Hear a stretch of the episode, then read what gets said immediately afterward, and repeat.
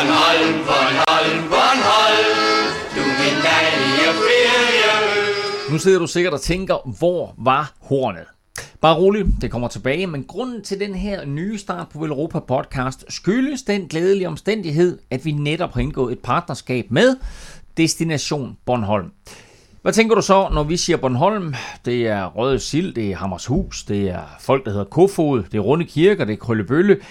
Men det er også gode restauranter, små skønne hoteller, hyggelige stunder og ikke mindst fantastisk cykelterræn. Hvordan tror du, Magnus Kort er blevet så god? Det gjorde han netop ved at tæve op og ned af Bornholms bakker. Og ikke nok med det, men mine legekammerater her i Europa podcast, Stefan Djurhus og Kim Plesner har begge cykelmæssige erfaringer fra Solskinsøen. Stefan, du har faktisk kørt for det lokale cykelhold. Ja, det har jeg. Øhm, jeg var med på holdet, øh, det var der, jeg blev kontinentalrytter for første gang. Øh, I 2015 og 16 kørte jeg Øhm, ja, hvor jeg, jeg havde faktisk min bedste sæsoner øh, på Bornholm-holdet, har, har kørt en masse derover. Så, så jeg ved, hvor fantastisk terræn det er, og, og fedt at køre derover specielt. Og hvad er, det, hvad er det holdet hedder? Det hedder BHS Almeborg, øh, eller BHS Bornholm. Øh, de, har, de har skiftet lidt mellem, øh, mellem navnene her de sidste par år. Øh, men jo, øh, helt fantastisk, og, og jeg havde jo nogle gode sæsoner og var med til at sørge for, at øh, Bornholm de, de kom med på Danmark rundt for første gang, også øh, tilbage i 2015, så, så det var nogle gode oplevelser, jeg havde. Så øh, du har faktisk sat Bornholm på landkortet? øh, det, det kan man godt sige. Jeg tror også, jeg var faktisk også i udbrud på første etape af Danmark rundt, øh, hvor at, øh, de var meget begejstrede for, for at vise øh, fanen lidt frem. Har, har du kørt mod kort? Jo, ja, det har jeg. Ja. Kim, har, har du kørt mod kort? Ja, ja, det har jeg også. Ja, hvem, hvilken kort har du kørt mod? Jamen, øh, kort jo. ja, altså, kort, kort, ja. Korts mor. Det, Nå, Korts mor? Ja. Altså Magnus Korts mor? Ja. Ja, hvordan gik det? Ja, jeg synes, det gik rigtig godt i starten.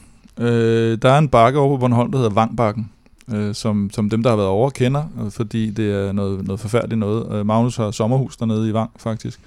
Øh, sikkert fordi han kan træne på den modbydelige bakke. Og jeg, jeg synes, det går rigtig godt, men øh, jeg tror, det er halvvejs op. To tredjedel op måske. Der, der, der er jeg nødt til måske lige at køre ind på en...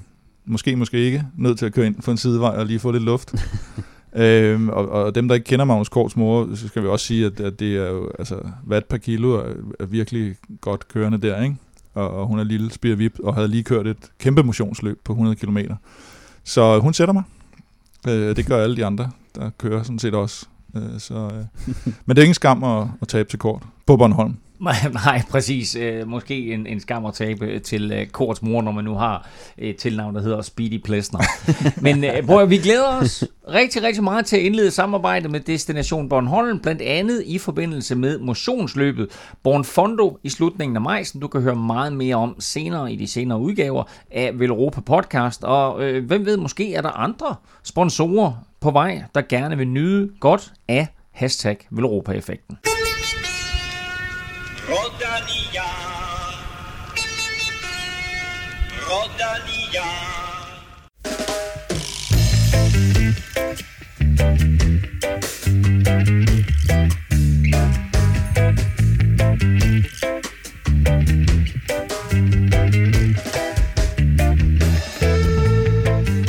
Søndag bød på en kæmpe dansk triumf, da Jakob Fuglsang i overlegen stil vandt monumentet Liège-Bastogne-Liège. Det skal vi naturligvis tale meget mere om lige om lidt.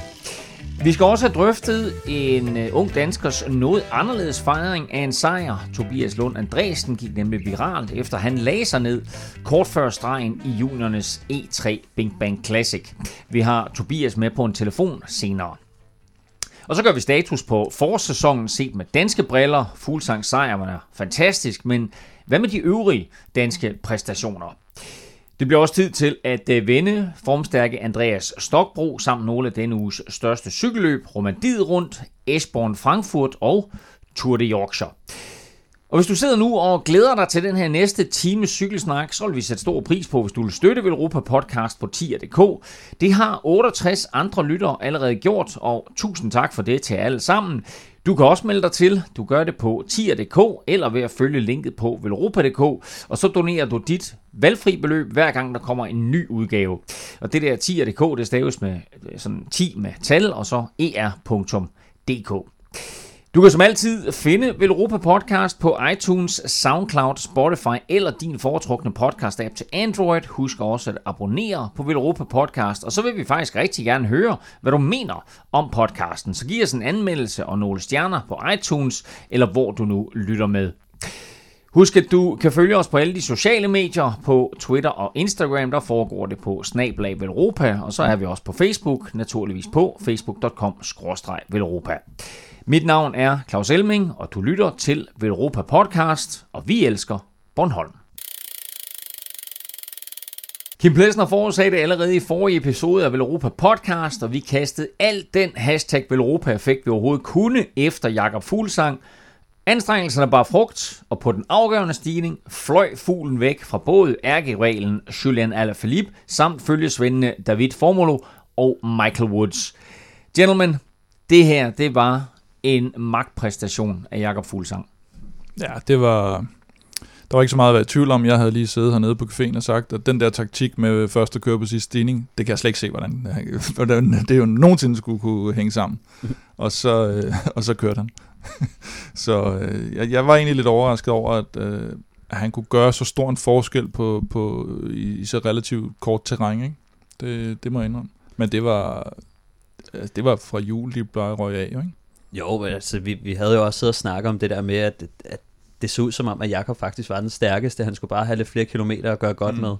Og, og det viser han jo her i, i Liège-Bastogne-Liège, som, som er den hårdeste øh, af de her den er klassikere. Øh, og samtidig så bare en, en helt forfærdelig dag, hvor det bare pissede ned, øh, og de, de må også sidde og frosset og alt ja. muligt, så, så bare virkelig imponerende, at, at Jakob han, øh, han, han holder den, og, og, og bare, altså, bare dominerer til sidst. Og det er jo det, man ikke kan se, når de, altså, man kan jo godt se, at de har kørt i det der vejr, og da de kommer derhen, så er det jo faktisk nærmest solskinsvejr lige pludselig, og, og de ja. kommer op, og så, så der kan man jo ikke se det der slitage, der er sket i, øh, ja, i rytterne der, men de, de var jo alle sammen virkelig Slitagen var til at se på ja, antallet af ryttere, der gennemførte det, fordi det ja. var vel sagtens kun omkring halvdelen, der kom i mål. Øh, folk de øh, steg af højre og venstre, og det var altså små og store stjerner. Øh, vi kommer tilbage til øh, Valverde øh, lidt senere. Men Kim, du kaldte den her i sidste uge i podcasten. Jeg spørger dig, hvordan går det Jakob Fuglsang? Så siger du, jamen han vinder. Der, der er ikke noget at sige. Han vinder. Hvorfor var du så stensikker på det? Ej, ja, så stensikker var jeg jo heller ikke, fordi så gik, der, tre, så gik der tre sekunder, så sagde jeg Michael Matthews. Ikke? Så, så mere sikker var jeg jo ikke. Nej, men jeg vil sige, altså, han, er, han var jo helt klart en af topfavoritterne. Han havde kørt nærmest parløb med, med, med Alaphilippe. Van der Pol var ikke til stede. Og, og netop det der med, som Stefan også var inde på, det er det her terræn, der passer ham bedst. Det er der, hvor der var mest af de sådan lidt hårde, lidt længere stigninger. Øh, så, så hvis han skulle vinde noget i foråret, så var det næsten, næsten der. Ikke? Og det var alle jo også sådan lidt opsatte på, eller alle danske øh, sportsjournalister og eksperter og sådan noget, at nu, nu var det her, han skulle, han skulle slå til. Og ikke mindst holdet selv også. Ja. Altså vi så jo også, at han havde fantastisk opbakning her hen mod finalen, ikke? hvor de faktisk kører sådan lidt et, et tog for ham hen mod øh, den stigning, mm. hvor, han, hvor han rykker på. Så. Altså dem der, dem, der sad med i toget, dem der ikke valgte at køre ud i, i, i terrænet. Ikke? Altså, var det Isagire, der... En Isagire-brødrene, der ja. tænkte, Nå, her, her drejer de andre, jeg gør ikke. Han gør ja, sgu ikke det der til Var det noget med, at de, de, de tidligere har kørt den vej eller sådan noget, og så, så kørte han bare lige Ej, jeg tror, det, det, ja, tror, det så... Tror, tror du ikke, det er sådan en klassiker, men man sidder med hovedet nede i styret og oh. beskytter sig selv for regnen, og så opdager man ikke, at vejen drejer? ja, han kunne, jeg tror, han, kunne, altså, han tror simpelthen, han, han får øje på, jeg har for meget fart på, så da han prøver at dreje, så skrider den ud. og så tænker jeg, okay, jeg gider ikke at lægge mig ned. Det ser meget dejligt ud, det græs derinde. Ikke? Men, øh, men, men jeg synes også, at altså, det, de, de har jo et mega stærkt hold, og det, var, det snakker vi også om, at de har mm. et rigtig stærkt hold, og at de plejer ikke at bruge det på den her måde. Altså, de mm. plejer at, at skyde lidt, sådan, så kører en af, så, så sidder de og rykker lidt på skift og sådan noget, men det er faktisk første gang, hvis man rigtig ser, at de kører den der øh, taktik, øh, hvor, hvor de tror så meget på Jakob, at, at de alle altså, sammen øh, lægger kræfterne i for at skyde ham afsted. De gjorde det lidt sidste år i Amstel jo også med, med Fuglsang og Valgren, men der var det ligesom de to på egen hånd. Her der var det jo sådan, at så så man lige nogen gå frem og dække nogle angreb af. Og så, da det sådan begyndte at blive alvor, kunne man se, nå, nu kom Luis Leon Sanchez lige frem. Ikke? Så, så gik mm. han frem og tog den der rolle og sørgede for at sætte det rigtige tempo. Og så kørte de det der, hvor øh, i det famøse sving der, hvor, øh, hvor de så kørte ja. bare alle mand frem og sagde, nu, nu er det os, der styrer det her løb. Vi har jo talt rigtig meget om Astana her i foråret, og alle de sejre, de har haft, ikke mindst i de her korte etabeløb. Øh, jeg synes nogle gange, hvis vi kigger tilbage, så har der været sådan lidt anarki på det her hold. Så var der nogen, der mm. kørte øh, for sig selv og så videre. Ligesom om den anarki er væk. Øh, har vi fået sorteret de ryttere fra på, på Astana, som skabte det her anarki? Er Jakob nu den ubestridte leder og kommer til sådan et løb her, og så siger han så, hey, der er to gange Isagiri, der er Luis Leo Sanchez, der er, der er flere, som vel sagtens godt kan tillade sig at kalde sig selv for stjerner, men Jakob siger bare, vi kører for mig i dag. Altså det gør man kun, hvis man skaber resultaterne. Det er jo altid sådan, det foregår. Øh, så kan du have nogle, og det har Jakob gjort, så kan du have nogle typer, som en for eksempel Nibali, da han tidligere var på holdet, at uanset om han var i form eller ej, så skulle mm. de ligesom køre for ham. Og det gjorde nok, kunne jeg forestille mig, sådan internt på holdet, at der var nogen, der sad sådan, og det kunne for eksempel være Jakob, der tænkte, hvorfor fanden i helvede skal vi køre for ham? Jeg ved jo, jeg er bedre end ham. Jeg kan se, når vi træner, eller hvad det er, at jeg, jeg, vi burde egentlig køre for mig, men på grund af, af, af hans plads i hierarkiet, så var det meget Nibali. Det var også til dels med Ardu, at der var, der var, det så man med Landa, da mm. han ikke fik lov at køre i, i Giroen, hvor de ellers havde fået skoven under Contador, så, så siger de, nå okay, men øh, vi skal jo køre for Ardu, selvom vi godt ved, at så, så tager vi måske, måske hele Giroen, og det gjorde de så også. Ikke? Så det har været sådan lidt øh, øh, hul om hej, vil jeg sige. det men det er det, jeg mener. Er der kommet bedre styr på det? Men det virker sådan, ja, at, at... Fordi at, det blev tydeligere. Ja, specielt på det her hold, men det, det er jo sådan på mange hold, at, at hvert år, så er den der øh, kamp, den er åbnet lidt op. Altså, alle har ligesom været væk hele vinteren og trænet, mm. og, og mener selv, at de har rykket sig, og måske fortjener en større rolle, så når man starter året, så, så plejer der altid at være lidt ubalance, øh, medmindre du har den der klare stjerne. Øh, og, og jeg tror, at, at sidste år så vi, at øh, der var lidt bøvl med Luis Leon Sanchez og Fuglsang, og hvem der egentlig var stærkest der. For jeg kan huske, at, at jeg sad og så, at de faktisk sad og, og modarbejdede hinanden lidt øh, i nogle af finalerne. Og i år, der virkede det som om, at, at Jakob har været virkelig på i det terræn. Lutsenko har også været rigtig godt kørende, mm. men det passer ham ikke lige så godt, de her øh, kuperede øh, løb. Så, så jeg må sige, at med det år, Jakob havde sidste år, og med den start, han havde i år, der har han taget, øh, der har han taget føringen her på, på holdet. Og så, er det jo, og så er det jo altid nemmere, når det går godt. Altså, så, ja. så er det jo nemmere at sige, fedt mand, vi andre får også glæde af det her, eller man får flere præmiepenge, eller der er bare skide god stemning. Mange forskellige rytter får lov at vinde, det ser man også på Quickstep. I forhold til et hold, hvor øh, det bare går lort, og der er ikke nogen, der vinder, og så begynder alle jo sådan, okay, jeg må hellere køre min chance i hvert fald, fordi øh, hvis ikke holdet fungerer, så skal jeg da i hvert fald have lidt ud af det, men nogen skal måske have forlænget kontrakten, og de sidder og tænker, hold kæft, hvordan skal jeg komme videre i, i det her, øh, på det her hold? Vi vinder ikke noget, der er ikke nogen, der lægger mærke til os. Og så forsøger man lidt selv sådan med noget, lidt øh, knopskydning eller et eller andet, ikke? At sige, så, så, så er det den ene, der lige pludselig, og man tænker, hvorfor, man så det jo med Laporte og Buhani på Kofidis på et tidspunkt, der ligger og kører ja. mod hinanden i en spurt, ikke? Og, og, og, så kan det gå helt galt. Det var også ved at gå helt galt for ja. Jakob Fuglsang, fordi øh, han kommer først over stigningen, han er langt foran, han har 30 sekunders forspring, øh, han skal bare køre den her sikkert i hus, og så øh, skrider baghjulet ud for ham i et sving, der er, der er glat, der er regn, øh, regnvåde veje, baghjulet skrider ud. Når man ser det langsom gengivelse, så er det en fantastisk redning. Når man ser den i normal tempo, så fatter man ikke, hvordan han redder den her. Kim, har, så, har du nogensinde set noget lignende? Nej, men jeg så, altså, i, i, for mi, i mit, mine indre billeder, de, de, de, de foregik sådan nogenlunde med, at han bare blev kastet af cyklen, og så røg over i, i skoven over i højre side. ikke? Fordi man ved det der med, når, når cyklen kommer i svingning, og man så det med Beloki, var et meget tydeligt eksempel, ja. dengang han øh, øh, smadrede øh, hele sin hofte. Men nu har jeg set den så mange gange i langsom, og det er ligesom om, der er den der lille rande inde i siden af vejen, hvor det går sådan lidt ned inden kantstenen. Og det virker som om, at fordi normalt, så når baghjulet skrider ud, så kontrastyrer du, men det er som om, at hans forhjul kommer ned i den rande, og det vil sige, at han kan ikke kontrastyre så meget, som man normalt vil gøre, hvilket så heller ikke er godt, fordi så kommer den jo bare i svingninger. Mm. Så det er ligesom om, at den sætter en stopper for den der kontrastyring, så den bliver sådan lidt mere afbalanceret, og så på en eller anden måde, så, zip, så er den bare rettet op igen. Men det er jo helt, altså... Det, det, er, det, er det ikke ligesom, når man kører en Porsche eller en Lamborghini, så skal man bare trykke på speederen. bare lige trykke på speederen, så er den det kender ikke så meget til, synes jeg. jeg tror, han har, han har klaret glatbanekørsel. Ja, det, det tror jeg også. Certifikat, man, uh, certifikat uh, A, eller sådan noget på glatbanekørsel, den tror jeg, han har fået. Hans baghjul øh, glider jo i, det her, øh, i de her hvide streger, ja. øh, og det er ekstremt svært at undgå. Normalt så, så plejer man jo at holde sig langt væk fra midterstriberne, men man kan se, at han prøver at skære svinget, og så lige pludselig kommer der de her V, mm. øh, af hvide streger inde på indersiden. Og, og der er ikke så meget at gøre. Og så på en af dem, som, som er lidt udvisket, øh, det er der, hans, hans baghjul mm. faktisk glider.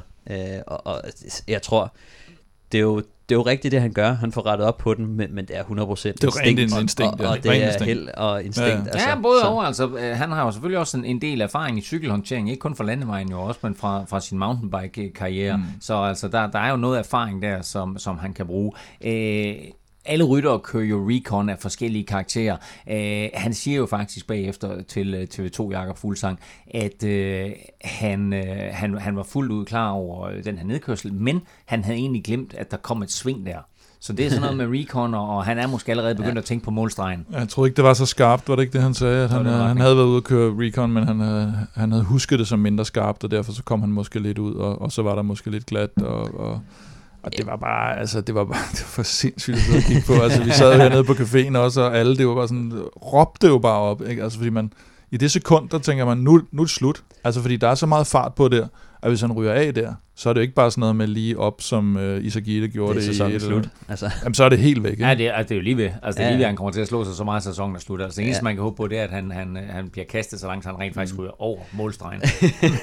men, men, men altså, også en ting er, når man kører recon, men, men, men det er noget andet, når du så lige pludselig kører den i, i løbsfart, for i recon, der er vejen ikke øh, spærret af. Så det er først i løbet, Det var måske du heller ikke våd, da han kørte recon. Nej, præcis. Ja. Og, og, og så ser vi også, det her, det her sving, det kommer også ind i skoven, øh, og man, man ser altid, at det er lidt mere fugtigt og lidt glattere, mm. når vejene går ind igennem skoven. Øh, så, så det er bare nogle, nogle ting, som, altså man, man kan ikke rigtig øve det på samme måde i, i recon, altså man kan være klar over, hvor meget den svinger og sådan noget, men, men når du så sidder i, som øh, helt solo i Læsbestånd Læser og kører for sejren, og man lige giver den et nyk mere, og det er regnvejr og så videre, så det, så det er ikke noget, man kan øve sig så meget på. Øh, og så plus, at man glemmer sgu også lidt øh, præcis vejene, når man kører sådan en cykelløb. Altså det, det er svært at huske sådan en rute, medmindre man har kørt den en milliard gange.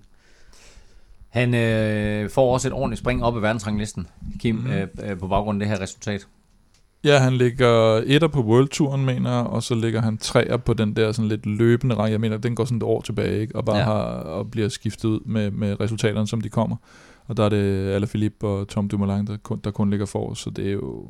Så på, på den verdensrangliste, der gælder fra årsskifter og frem efter, der fører han nu. Og Så, ja, World Tour, World Tour ranglisten, hvor det kun er World Tour løbende, man, man ser på, Præcis. og, og den anden, det er, det er mere sådan øh, de generelle præstationer, og så et år tilbage.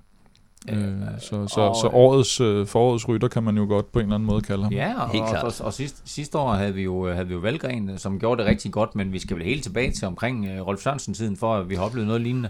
Ja, der skal vi, øh, vi skal nok tilbage til dengang, hvor han førte World Cup og sådan noget, og så blev han lige pludselig skadet. Var det der, hvor han trådte forkert ud af Rabobank-bussen eller sådan noget, og så var det fandme lige før han vandt World Cup alligevel. Det var sådan på sidste dagen, hvor Bartoli tog lige præcis den placering, han skulle tage, øh, hvor, hvor, hvor Rolf hele tiden lå og kæmpede med om, om, om den World Tour rangliste, som vel i princippet bliver genindført på en eller anden måde næste år, tror jeg. Øh, så det er jo, og, det, og, og monumentmæssigt er det jo også øh, så lang tid siden, at det er... Han er den blot anden rytter. Det er anden så- dansker, det er så der vinder et monument. Ikke? Altså, det er sådan, når, når, når vi tænker på, hvor mange dygtige cykelrytter vi har haft gennem tiden, og hvor mange resultater vi sådan set har opnået, mm. så er det lidt vildt at tænke på, at den eneste rytter, der har vundet et monument før, det var Rolf Sørensen med, med henholdsvis Flandern rundt og, og Liège, Bastogne Liège. Ja. Og så kommer øh, Fuglsang nu her, øh, 22 år efter den seneste sejr, og vinder. Det viser også bare, hvor svært det er, ikke? Altså, øh, det er bare de der fem stykker der, det, det er altså ikke nogen, man kommer sovende til. Nej, det er det ikke. Så er det, det er kun Gilbert, der, der, der næsten har været hele vejen rundt. Ikke? Jo. Men ellers så er det jo utrolig få øh, cykelrytter, der kan vinde det, og, og der er så få af dem, og, og mange, som, som det er nogle gange, så er det Gilbert, der, der tager mange af dem. ikke. Øh, så, så der er utrolig der er, få. Der, der er Gilbert. Ja. Du får stoppet lidt det der. Jakob har haft et fantastisk øh, klassiker forår.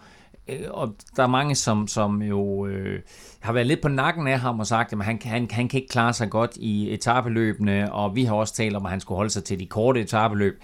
Hvor er vi henne lige nu på den måde, som han har kørt det her forår, hvor han jo har valgt løb fra for netop at stile imod Liège-Bastogne-Liège, og måske også kommer til at vælge nogle løb fra, for nu at satse 100% på Tour de France. Kan han, Stefan, kan han time sin form? Har han det, der skal til for at forbedre øh, sin bedste placering, der er en syvende plads i Tour de France? Altså, øh, efter sidste år, så, så, så tror jeg, at jeg var, jeg var der, hvor jeg tænkte sådan, ah, nu, nu ser det svært ud. Altså, nu, nu skal du nok prøve og, og noget andet, men, men efter at jeg havde ikke regnet med, at han ville køre så godt, uh, som han har gjort i år. Det er helt vildt. Så jeg synes, at, at nu er nu alt uh, tilladt. Altså nu, nu synes jeg, at han skal gå efter det, fordi at nu har han bare vist sig at være endnu bedre, end han var sidste år, og endnu bedre end, end nogensinde, så, så hvorfor ikke? Altså, han har tydeligvis øh, mere skud i den i år end, end nogensinde, så, så, så, så han må også kunne være bedre i, i Tour de France, men, men det er klart, at det er noget lidt andet at køre turen, øh, men han har, øh, han har gået ud med, med et brag her i, i den første del af, af sæsonen, så, så nu er det på tide at, at, at, at justere lidt på tingene og få noget hvile og begynde at bygge frem mod turen, men det ser ud til, at han er, han er rigtig stærk i år, så, så jeg synes, han skal gå efter det. Kim, der var ikke et øh, cykelmagasin sidste år i forbindelse med Tour de France, der ikke havde Jakob Fuglsang på forsiden. Det viste sig at være sådan lidt Hmm. dansker overhype. Mm. Skal han på forsiden igen i år? Ja, ja, nu, nu skal han jo helt klart være kaptajn og berettiget kaptajn og, og så videre. Øhm, og man kan sige, det der jo, det han jo har løftet, synes jeg, er, at den der lidt sådan øh, vinder, vinderinstinktet, vindermentaliteten, at han kan vinde, det så man allerede i Dauphiné selvfølgelig, men det var som om der lå nogle, nogle ting øh, i, at han, han ikke rigtig kunne vinde cykelløb. Og så kom den der OL-sølvmedalje, som jo ikke var en sejr, men som viste, at, at han godt kunne være lidt deroppe. Så, så man kan sige, at han har løftet alt det, og han har fået ro på med noget familie og, og nogle ting, det, der ser ud som om også har givet ham et, øh, sådan lidt et, et pusterum, eller hvad skal man sige, for noget pres. Så alle de ting er i orden. Det, der så er tilbage, det er det der med de tre uger. Altså holdbarheden i tre uger. Mm. Det er den, jeg ser som, som akilleshælen nu. Jeg tror egentlig, alle de andre ting er der, er der styr på. Han ved, at han kan køre op med de bedste, men, men kan han restituere ordentligt i forhold til et tre ugers løb? Det, det, det er den, der er tilbage, som, som bliver udfordringen i, i juli måned. Han har i hvert fald selv, selv sørget for nu, at øh, forventningerne til ham, de er øh, skyhøje. Vi skal lige nævne øh, Alejandro Valverde, fordi øh, verdensmesteren øh, virker som en på en eller anden måde færdig mand. Hans forår har været direkte elendigt, og her i øh, Liège-Bastogne-Liège, der udgår han med, hvad er der tilbage, er der 100 km tilbage, altså han kører vel sagtens kun to Ja. tredjedel af løbet, eller noget, noget i den retning, og så gider han ikke mere. Nej, det så nemlig sådan lidt, øh, lidt opgivende ud. Ikke? Han stiller sig ud i vejkanten og står stille og roligt og piller handskerne af, og man, det, det, regnen siler ned, og, og bilen kommer op, og han peger bare op på taget der, op med cyklen, og så sætter han sig ind bag. altså det, det, var, det var så symbolsk på en eller anden måde for det forår, at øh, der blev lukket og slukket der. det, det gider ikke mere det her. Øh, og det, og, Men, men er det lukket og slukket for Valverde også? Ja, det ved man jo aldrig med ham, men jeg, jeg, jeg tror lidt det der med, at hvis man ser på, nu vandt han det her VM, og det var super dejligt for ham, men jeg tror også, at han måske godt kunne have en fornemmelse af, hvis jeg skal prøve at sætte mig ind i hans hjerne, at de løb, han har vundet, dem kan han måske godt vinde igen. Men han kan ikke vinde flere løb nu. Altså jeg er svært at se, hvad er det for et stort løb, Valverde skal vinde nu, han ikke allerede har vundet. Altså hvor er motivationen tilbage? Han kan ikke vinde Tour de France. Det tror jeg godt, han selv ved. Han kan, han kan nok ikke engang vinde en Grand Tour mere. Uh, han har vundet VM, og han har vundet de klassikere, han kan vinde. Han har vundet de utallige spanske etabeløb. Men hvor mange gange gider man vinde uh, Vuelta Burgos, ikke? Men, så, øh, så jeg tror måske, at den der mæthed om sider er kommet, for jeg skal edder med mig love, for han har været sulten i mange år. Øh, men, men han styrtede jo også inden øh, Lies Bastogne Læs og, og kom lidt til skade. Jeg ved ikke, om I har, om I har set det. Jo, jo, men det ændrer jo ikke på hele foråret, som, som, Nå, altså, som, nej, som, men- som halvsæson.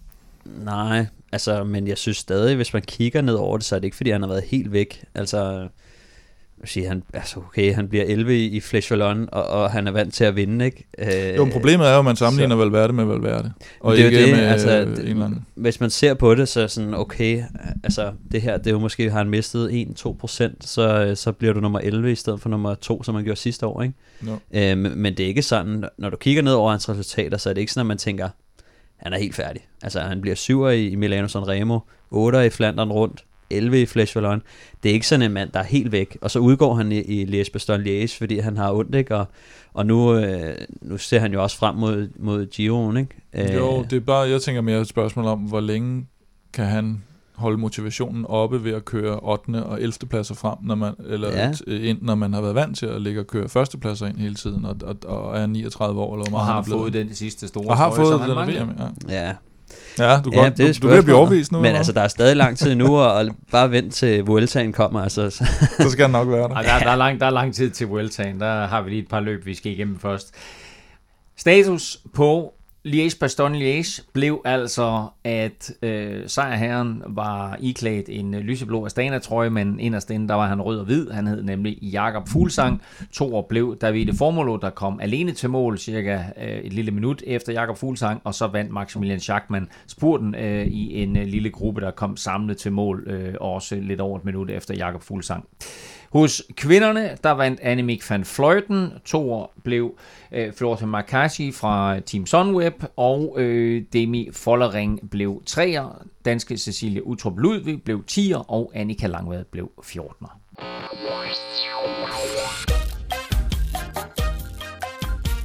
Vi har masser af lækre ting i den her podcast. Lige om lidt, så skal vi tale Tour de Yorkshire, men vi skal også tale Romandiet rundt, som begyndte tirsdag. Og i den forbindelse, der har jeg en lille Romandiet rundt quiz til jer to. Øh, Kim Plester, kan vi lige få en opdatering på stillingen? I romandiet rundt, eller i quizzen? I quizzen, tak. Jeg mener, det står 13-8. Jeg mener, du har ret. Ja. Så øh, stillingen nu her er 13-8. Der er øh, tre point at Vi hente. behøver ikke engang sige det Der er tre point at hente i den her quiz. 13-8, okay. Øh, så du har altså mulighed for, øh, hvis du virkelig øh, er skarp i dag, Ja, det er står at 11-13 reducere- efter i dag, det kan øh, jeg godt sige. til, til 13-11. Øh, quizzen går i al sin enkelhed ud på, at øh, inden for de seneste 10 år, der er der faktisk tre tidligere Tour de France-vindere, som har vundet Romandiet rundt. Så hvem er de tre? Og du får naturligvis som altid lov til at starte, Stefan, når vi vender tilbage til quizzen sidst i udsendelsen. Og til jer to og alle, der lytter med, lad nu være med at google.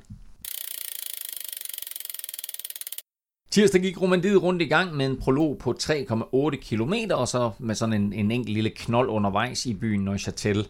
Det så ud til, at øh, hjemmebanehelten Tom Boli skulle erobre føretrøjen, men så kom det slovenske tempofænomen Primoz Roglic og knuste Schweizernes tid med øh, 0,3 sekunder. Og så lige pludselig, sådan ud af det blå, så kom en anden slovener, nemlig Jan Tratnik, og slog alle på den korte og tekniske rute. Og andre nævneværdige profiler i top 10, der kan vi nævne Tony Martin på fjerdepladsen, Geraint Thomas på femtepladsen, og så højst overraskende en af Kims store helte, nemlig Carlos Betancourt på 8. pladsen. Øh, først, det er jo ikke øh, hvem som helst, at, at Jan Tratnik, han, står, han slår her i øh, Romandiet. Øh, Kim, kan du ikke lige prøve at sætte nogle ord på, hvem han er som type? Og jeg synes egentlig, Stefan er jo vores Jan Tratnik ekspert, tænker jeg. Så øh, det vil næsten være, være unfair af mig at Så, begynde så, at... så, så k- øh, kvindecykling og, Og Jan øh, og, og, Og slovenske, slovenske. herrer. Det er det, du, det er det, du er skarp i. Ja. Øhm, ja, men altså, jeg, jeg tror, at jeg fik først sådan øjnene op for ham for sidste år. Altså, han er jo som sagt slovener, 29 år, kører på Berein Merida og har tidligere kørt på CCC-holdet. Øh, men, men sidste år begyndte jeg sådan lidt at, læ- at lægge mærke til ham, og han vandt øh, Volta Limburg. Øh, og han blev også slovensk mester i enkeltstart og bemærkede sig i nogle... Nu, ved- altså, var Primus Roglic med i, den, i, i det slovenske mesterskab i enkeltstart? For, altså, hvis han var det, så er det jo rimelig imponerende, at han vinder. Øhm, Så han slået ham to gange i hvert fald. ja, men han, øh, han var ikke med, men han vandt foran øh, Tadej Pogacar. Uh, så er han det- allerede med det? Øh, ja, sidste år, men han slog ham til gengæld med over et minut, øh, Tratnik her, så egentlig virker han til at være sådan lidt en, en tempomaskine, men kan også godt øh, køre. Så man kan sige, at han minder faktisk lidt om Primoz Roglic, hvis man skal lave Men sådan kørte han hurtigt. ikke Astana sidste år? Eller Hvem? kørte han, øh, hvad hedder Tratnik? Nej, han kørte på CCC. Når han kom derfra? Ja. Nå. Øh, så jeg vil sige, at Så han minder så BMC sidste år, og så... CCC. Når han kørte simpelthen på CCC sidste år. Ja, Han, ja, hvad hedder de? Sprad? Ja. Som så Sprandi Sprandi. Polkovic. Øhm, men, øh, men ja, altså bare, øh, bare sådan meget ala Roglic, øh, vil jeg sige. Måske ikke lige så god til at køre, køre i bjerge, men, Mm. øh, men sådan øh, skarpe stigninger, og øh, hvad hedder det, og de her øh, enkeltstarter er han, er han rigtig dygtig til. Så bare ret overraskende, at øh, han går ind og slår de her, men, men jeg tror, vi så den her rute, jeg så også øh, blandt andet Alex Dowsett, der var ude og kritisere ruten lidt, fordi han var sådan lidt, øh, nogle af de sving, der havde været, og, og så videre, og Og så altid på korte distancer, der kan du godt være heldig. Altså, det er Ja. lige før, hvis du tager et sving rigtigt i forhold til, eller meget bedre end de andre, mm. så har du nærmest vundet øh, enkeltstarten, altså hvis, hvis du stadigvæk er en af de, af de gode, ikke? Jo, altså, Øh, Det var noget med, at der var to øh, 180 øh, grader sving, ikke? Og, Ja. og der var nogle lidt suspekte sving, og, og, og nogle, nogle hælder, og der var en enkelt bakke. Det ene det var, at man kommer ned ad den her lidt stejle bakke, og så skal lave det her 180 graders sving, ikke, som altid er lidt farligt, specielt på enkeltstartcykel, øh, som er meget tungere med dårligere bremser og, og så videre, så, så det, det, det kan nok også være, fordi han har, han har sat sig lidt og, og været heldig. Og en anden, som, som også satsede, som det ikke gik så heldigt for, det var jo øh, Victor Kampenarts, øh, mm. som er faktisk styrtet og, og blev sidste mand på enkeltstarten. Øh, men, øh, men det bliver spændende at, at se i den sidste afgørende enkeltstart også, øh, og se om... Øh, så, så Kampenarts, der altså netop har sat timerekorden, Ja, han, han ender med at blive sidst på de her 3,8 km. øh, det var ikke, ud over Kampenarts, som, som styrtede og dermed miste en masse tid, så var det ikke de store tidsforskelle, der var i den her, jeg kan ikke tillade sig at kalde det en enkelt med 3,8 km prolog. Øh, Asbjørn Krav kommer ind på 35. pladsen, og han er faktisk kun 10 sekunder øh, efter 13. Hvad kan vi forvente af, af Asbjørn i det her løb? Øh, jamen, øh, jeg, tror Asbjørn, han, øh, han, han kunne måske godt gøre sig gældende. Nu kan jeg se på dagens etape, som jo, som jo lige er afsluttet, at blandt andet Roglic har vundet foran, øh, hvad hedder det, øh, Gody og Rui Costa faktisk. Jeg mener, både Gody og Betancourt har kørt den for forrygende etape, så efter jeg fik afskrevet alle mine favoritter i sidste udsendelse, så begynder de bare virkelig at shine nu. Ja, men, men, men Vi kan ikke nå at, at analysere øh, første etape her, fordi vi har simpelthen ikke øh, set den. Vi er i, i gang med at optage podcasten, så vi kan ikke rigtig analysere første etape, men blot, blot konstatere, at overskrifterne siger, at det Betancourt smed en sikker sejr væk, og så blev det i stedet for en, øh, en sejr til. Var det til Roglic? Roglic, ja. Øh, men, men jo, altså, der kommer en etape i, i morgen og i overmorgen, øh, som er kuperet, men det burde være sådan, at, at der er nogle af de her øh, Michael Woods-typer, Rui Costa-typer, der også kan være med om sejren, og der tror jeg, at Asbjørn han er en af dem, som, som godt kan køre nogle af de her bakker, øh, og som stadig kan afslutte, så, så det bliver spændende at se, om, om han kan være med på de næste to etapper.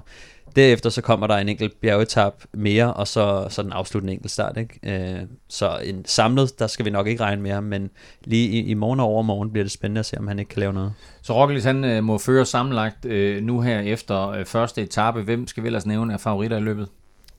Øh, Altså han har, han har også sin, øh, sin makker fra turen med Steven Krausweig. ja, Steven Krausweig. Øh, jamen, det er nok øh, Roglic og, og Geraint Thomas. Øh, Ja, han stak næsen frem i dag, Thomas også. ja, vi skal jo nærmest lige se. Jeg vil lige sige, altså Dombrowski han er med. Ja, det er Man rigtigt. skal Der er ikke mange favoritter med det løb. Man skal ikke afskrive Dombrowski. Ja, og så har vi jo lidt overraskende Betancourt med, øh, men altså, vi, det. Jeg tror sgu, at han skal køre Giro, og han har, han har altså helt seriøst, så, øh, så, så skal han nok køre et fornuftigt resultat, og, og måske også køre en, ja, hvad kan han køre i Giroen? Top 20 eller et eller andet, men altså det er jo også... Nå jo, men altså det er jo ikke, Ja, ja. det er ikke sådan noget, der stinker jo. Nej, altså han ligger nummer, nummer 5 samlet nu, ikke? men mm. vi skal nok kigge mest efter dem, som også kan, kan afgøre det på enkeltstarten. Øh, ja. Så det er jo Primoz Roglic, Geraint Thomas, som ligger på fjerdepladsen lige nu, 13 sekunder efter. Øh, og så måske en uh, Felix Großschartner, som ligger 6 samlet. Øh, Men jeg tror også, altså, Roglic plejer at tage de der, ikke? Han, hvornår, hvornår han sidst tabt sådan et uh, ulangt etape? ja, det er det løgn. er to og et halvt år siden. Eller sådan Ja, noget. og ligger jo fører nu ikke med, med 10 sekunder ja. Ned til, til Rui Costa og 12 til Gody. Og er Så- også øh, jo et forsvarende øh, Ja, mester i men- øh, Romandiet rundt. Men rygterne går på, at Geraint Thomas også kørte rigtig stærkt øh, på dagens etape, øh, hvor han Mm. vist var, var også tæt på sejren. Øh, så, så jeg tror, det bliver en duel mellem Roglic og Geraint Thomas, øh, så, så det bliver spændende at følge. Vi har nogle danskere med. Øh, kan du ikke lige øh, smide et par ord på dem? Øh, Jo, altså vi har jo øh, Jonas Vingegaard, som vi, som vi havde med for, hvad er det, en måneds tid siden nu. Øh, dam. som, øh, som jo bakker op Roglic og, og Kreuzweig. Øh, og så har vi øh, Gregor med, som, øh, som ja, skal måske bakke Jan Hirt op. Øh, Det var Jan Hirt jo. Det var ham, jeg troede, der var Jan 13, ikke? De hedder jo Jan begge to. nå, Det var derfor, jeg troede, han var jo. nå, nej, nej, nej. Nej, Øh, det er jo nej, det er anden anden. Jan. Det er helt anden. Det er den anden Jan. Gregor med. Jan. Øh, så nu har vi tre Jan. Tratnik, Hirt og Stor Jan. Stor, stor, ja. Og Gert Jan. Nå, ja. videre. Øh, så er der Asbjørn Krav, som, øh, som jeg, altså, jeg ved ikke, om han skal hjælpe øh, Nicholas Roach, øh, men, men altså, det, det tvivler jeg lidt på. Jeg tror faktisk, der er lidt frie roller til, specielt til Asbjørn, til at gå efter måske øh, de næste to etapper. Øh, Så er Mads Wirtz med os. Mads Wirtz er med. Øh, jeg har lidt svært ved at finde ud af, hvad, hvad han egentlig skal i det her cykelløb, men, men, det, men sidste, sidste enkeltstart bliver spændende at se. Uh, de andre bliver måske for hårde for ham. Uh, jeg ved ikke, om han måske skal prøve på et udbrud, uh, men, men den afgørende enkeltstart bliver spændende at se, hvad, hvad Mads kan der. Og så har vi Rasmus Byrjel med, uh, som, ja, der, der ved jeg faktisk ikke rigtig, hvad han skal lave i det cykelløb. De har lidt de har Thomas Digent med, som måske skal gå efter de næste to etaper på noget udbrud. Øh, men ellers så har de sådan lidt øh, et, et blandet hold med. Altså, jeg tror, deres bedste Hvem er det, han kører for, Rasmus Fyrel? Øh, Lotto Sudal. Øh, så jeg, jeg, jeg tror ikke rigtigt, måske skal han prøve på noget udbrud, men, men jeg tror ikke rigtigt, at det er et løb for ham. Altså en prolog og en etape kørt, og vinderen fra sidste år, Primus Roglic, fører nu her efter anden dagen, og løbet Romandiet rundt, det slutter på søndag. Ungdommelig kådhed, virkelig dumt eller mega blæret. Reaktionerne oven på Tobias Lund Andresens fejring af sejren i juniornes E3 Bing Bang Classic fik mange forskellige reaktioner. Videoen af den blot 16-årige dansker gik viralt, da han øh, steg af cyklen og lagde sig ned før målstregen, rejste sig op og bar sin cykel øh, den sidste meter gennem målporten. Stefan, hvad var din reaktion på det her? Øh, jamen umiddelbart, det første jeg så til det, det var jo, at, at Andrew Talansky, han havde øh, lagt det op og, og skrevet, øh, ja, øh, en lang sviner. Nu vil jeg ikke øh, gennemgå den, men, øh, men at, at det var meget arrogant. Øh, efterfølgende så jeg også, at øh, Alexander Kamp også mente, at det var sådan lidt klasseløst. Øh, og jeg kan godt se, hvad de mener, fordi at, at det, det virker jo til, at, at det er en hån mod øh, hans konkurrenter. Øhm, som jeg ser det, så, så er det bare sådan, jeg tror ikke, han har tænkt sig så meget om. Jeg tror bare, han tænker, fedt mand, jeg laver lige noget, noget, noget nyt. Øh, og det, det kommer, altså jeg, jeg tror, at på en eller anden måde, så har jeg sådan, det er fint nok, men, men jeg synes ikke, det, det er i orden på den måde. Øh, Hvad er der vejen med det? Jamen, altså, det der er i vejen med det, det er jo, at, at, at han virker arrogant. Øh, og, og det virker som om, at han håner sin modstander. Altså, så den er jo ikke rigtig længere, og på den måde, så jeg vil aldrig gøre det på den måde, fordi man pisser sine konkurrenter af, og man fremstår på en speciel måde, øh, som jeg ikke tror, at han har lyst til at, at fremstå på den måde. Øh, så, så på den måde, så, så synes, jeg, så synes jeg ikke, det, det er det fedeste, men jeg Hvor tror Brian også. Laudrup var arrogant, da han øh, lagde sig ned på fodboldbanen efter at have scoret mod Brasilien. Nej, men det tror jeg også bare, at man skal se det som, at, at cykelsporten er, er noget andet end øh, for eksempel amerikansk fodbold, hvor, hvor man jo tit ser folk, der blærer sig i andre sportsgrene, hvor cykelsporten det er sådan lidt mere ydmygt, fordi at det er så sjældent, at du vinder, øh, at når man endelig vinder, så, øh, så kommer det også lidt som en overraskelse. Øh, det må vi sige, det, det er sjældent, og jeg tror heller ikke, at, at Tobias han kommer til at nedlægge øh, 15 sejre i år på den måde. Øh, så, så jeg tror bare, det er sådan, jeg tror, han kommer til at lære lidt af det, og, og, og finde ud af på de reaktioner, der er, men det som jeg blev specielt meget mærke i, det var, at i den her debat, der var mange, der, der var inde og bakke ham op, øh, og sige, ja, men du skal bare øh, fejre det, på, som du har lyst, og så videre. Og det synes jeg er sådan lidt, det, det, det synes jeg ikke. Altså det synes jeg, det synes jeg er, er forkert at en ting er, at man bakker ham op. Det synes jeg, det er fint nok, at folk går ud og siger, ja, lad ham være, os, og så videre. Han skal nok lære af det og sådan noget. Men jeg synes, det er helt forkert at gå ind og bakke det op, fordi at, at det, er ikke, øh, det er ikke en måde at behandle sine, sin øh, konkurrenter på. Og jeg tror også, det kommer til at gøre det sværere for ham, fordi at de andre, hvis tænker, hold kæft, en idiot, mand, så skal han, øh, skal han håne os på den her måde, ikke? Øh, og jeg tror også, der, der er andre, lad os nu sige, øh, nu så vi Johan Brønel, der også var ude og, og kritisere det. Der er så holdejere, der sidder og holder øje med det her, øh, som, som muligvis skal, skal have nogle, nogle juniorrytter ind, øh, måske ikke næste år, men om et par år, og hvis han er kendt for at lave sådan noget her, så jeg tror ikke, det er noget, som, som man har lyst til at, at have på sit hold. Og jeg, man kan se på Remco van Evenepoel, nej, eller uden fan, Uden øh, fan. uden fan øh, Remco Evenepoel, som, som jo var totalt dominerende øh, sidste år, kom jo ind med 10 minutter øh, ned til, til de andre, ikke? Og, og jeg tror, at en af de ting, som, som, som der var fedt ved ham, det var, at han havde fået nogle tæv i fodboldverdenen, og nu var han kommet til cykling, og, og han havde ligesom oplevet det her, de her nederlag, og, og, og, og han var egentlig rigtig ydmyg. Altså, han skulle jo ikke øh, lige ryge en smøg eller ud at skide, inden han, han kørte over stregen. Så, så det, det, det gjorde også, at han kunne, have, han kunne have været rigtig uschammerende, hvis han havde skulle lave alt muligt fjol. Ja, Øh, der var også nogen, der var efter ham, jo.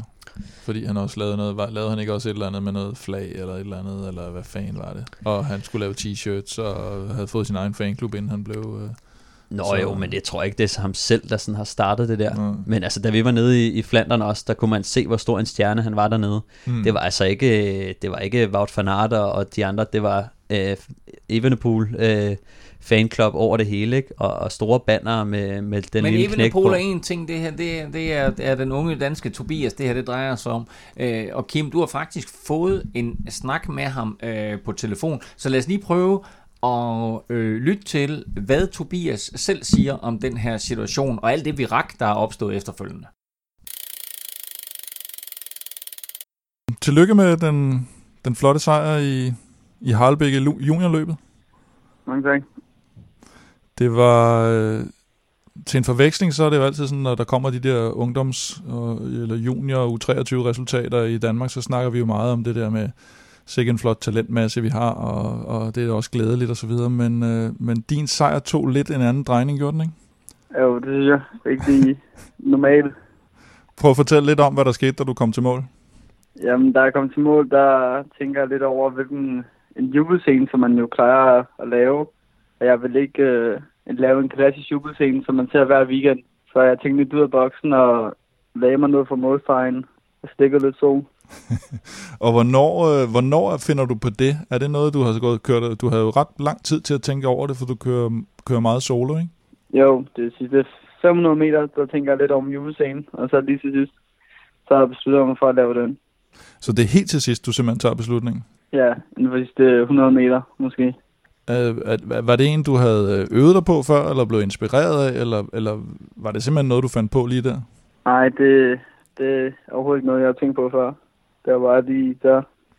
Og så, øh, og så kommer du ind over stregen, og du vinder og så videre, og så, så bliver der taget en video af det, og, eller der er en video af det, og så går det lige pludselig viralt amok, kan man sige. Ikke? Jo, jo det må man sige. Der var delt det mening. Jeg så Andrew Talansky blandt andet, en tidligere vinder af Dauphiné, der mente, at det var helt forfærdeligt, og Mathias Norsgaard, der kører for øh, Rival, synes det var fantastisk. Havde du overhovedet forestillet dig, da du lavede den der, hvad det, hvad det ville ende ud i? Nej, jeg, jeg havde ikke en vild fantasi i forestille mig, at det overhovedet ville blive lagt op på Facebook en enkelt gang. Øhm, jeg har ikke regnet med, at folk vil reagere, som de gjorde. Og hvordan har det været sådan det der? Jeg, jeg, jeg, jeg snakkede med din far her for, for noget tid siden, og han sagde også noget med, at du havde givet interview til en fransk avis. Hvordan fanden har du haft det med det her? Altså, jeg har egentlig haft det okay, fordi at der er mange, der selvfølgelig er negative omkring det. Jeg har fået nogle beskeder med, at, at jeg ikke burde være i sporten og sådan noget, men der er så mange, det positivt. Altså, at, at det er lidt mere spicy, og det er sjovere at se på, end, end bare hænderne over styret. Så jeg er ikke rigtig lidt af påvirke af andres meninger, i den forstand, at jeg er blevet ked af det. Selvfølgelig tænkt over, at den måde, de reagerede på, hvis jeg havde, havde vidst, de ville reagere sådan, så havde jeg selvfølgelig aldrig gjort det. Fordi at, hvis jeg vidste, at de synes, det var så provokerende over for sporten og for mine, mine kollegaer, så ville jeg ikke have gjort det. Så, så det er det, du har tænkt over efterfølgende, efter reaktionen er kommet, så har du tænkt, okay, hvis jeg kunne have gjort det om igen, så havde jeg ikke gjort det. Ja, det havde jeg nok ikke. Så der har der været flere negative, end der har været positive, fornemmer du? Ja, der har været mange flere negative. Okay. Det er mest de, de gamle klassiske, som, som har været i cykelsporten længere tid, og som har set det i gamle dage, som har været negative omkring det. Kan du forstå dem? Jeg forstår dem godt, i forhold, hvis man ser det fra deres perspektiv, at, at de mener, at jeg gør det for at vise, at jeg kommer sovende til det her. Og det været super nemt, fordi mine andre modstandere er dårlige, men det, det er ikke det, det, er ikke det der var intention med julescenen. Var det noget med, at du kørte 50 km solo, eller? Ja, 50 km. Det er meget godt, ja. Ja, det, det synes jeg er Hvor- meget. Og, hvor, og hvornår, i, hvornår i løbet af de 50 km finder du ud af, at, at den her, den vinder jeg? Altså, jeg var, jeg var rigtig sikker på noget tidspunkt. Det først, når jeg rammer de 10 km og, og holdt den over de der et minut i, i lang tid, at jeg ligesom tænker, okay, jeg kan godt, jeg kan godt klare den her alene. Og der har du alligevel også tid til at tænke over, øh, at, at det bliver en sejr. Ja, Og der ved jeg, at jeg har snakket med en del sådan mere gavet øh, professionelle cykelrytter, som siger, at det der med at få en sejr, når man kommer alene til mål, når man har tid til at tænke over det, det er på en eller anden måde en bedre sejr, end hvis, øh, hvis du ligger og bruger al din energi på bare at tænke på, nu skal jeg skulle lige foran ham her i spurten. Ja det er det i hvert fald. Man har, man har tid til at glæde sig på ens egen vej, og man har tid til, og det er sådan at suge alle publikummet til sig. Hvis du kommer ind i en fællesspurt, hvor du ikke rigtig ved, at du vinder, så når du ikke rigtig at nyde det. Tillykke med, med den flotte sejr i hvert fald, og så vil vi, øh, så vil vi se, om vi kan blive enige om, hvad, hvad vi mener om din, din jubelscene, så det kan du, det kan du lytte med Ja. på. Tak for det. Ja, så tak. Kim, hvad var dit indtryk øh, af øh, Tobias, efter du har talt med ham? Jamen, det var jo også øh, en, øh, en ung gut, som, som øh, ret uskyldigt har, har, har lavet de her ting, og meget impulsivt, og som så bagefter finder ud af, hvordan øh, medieverdenen og sociale medier hænger sammen, og, og er blevet rimelig overrasket over det. Men er det ikke netop det, vi skal holde os for øje også, Stefan? Det her det er en 16-årig knægt, som vinder et cykelløb, og så gør han det her. Han er ikke skolet i den måde, mm. som du og andre cykelrytter måske tænker. Øh, og, og så noget helt andet, det er, altså han stiller sig også uden for janteloven og siger bare, hey, jeg vinder det her cykelløb, jeg gør det rimelig overbevisende. Jeg kan tillade mig at lægge mig ned og så bære cyklen over. Altså undskyld mig, Felicia Bær har altså også stået af cyklen og båret sin cykel over stregen. Og ikke nogen, der svinede ham. Nej, altså jeg tror, en ting er, at han, han gør det lidt impulsivt, men jeg synes også, det er fair nok, at folk reagerer på det. Altså, han skal jo også finde ud af, hvad, hvad er cool og hvad er ikke cool. Altså, og, og, og jeg synes, det, det, det er måske lidt hårdt at gå til en 16-årig knægt, som, som laver en lidt impulsiv ting, men jeg synes, det er fint, at folk går ud og siger deres mening om det, fordi at ellers, hvordan fanden skulle han så finde ud af det? Øh, men, men, men jeg tror også bare, at, at vi har heller ikke at gøre med, med en knægt, som, som, som vinder alt. Altså, og nu, jeg, nu har jeg ikke fulgt ham tæt, men, men altså, så vidt jeg kan se på det, så er det hans største sejr. Øh, og, og på den måde, så jeg kan forstå, at han, han, han, han tænker, okay, nu skal der ske et eller andet vildt, ikke? fordi at nu, nu, nu er det en kæmpe stor sejr, jeg har kørt solo i lang tid. Øh, men, men, men altså, det, det, kommer ikke til at ske super mange gange, tror jeg. Øh, ikke for at tale ham ned på nogen måde, men altså, det er ikke sådan, at han bare smadrer øh, alt og alle øh, konstant. Øh, det, det kan vi jo se på resultaterne. Jeg håber, at det her det bliver hans standardfejring af sejre.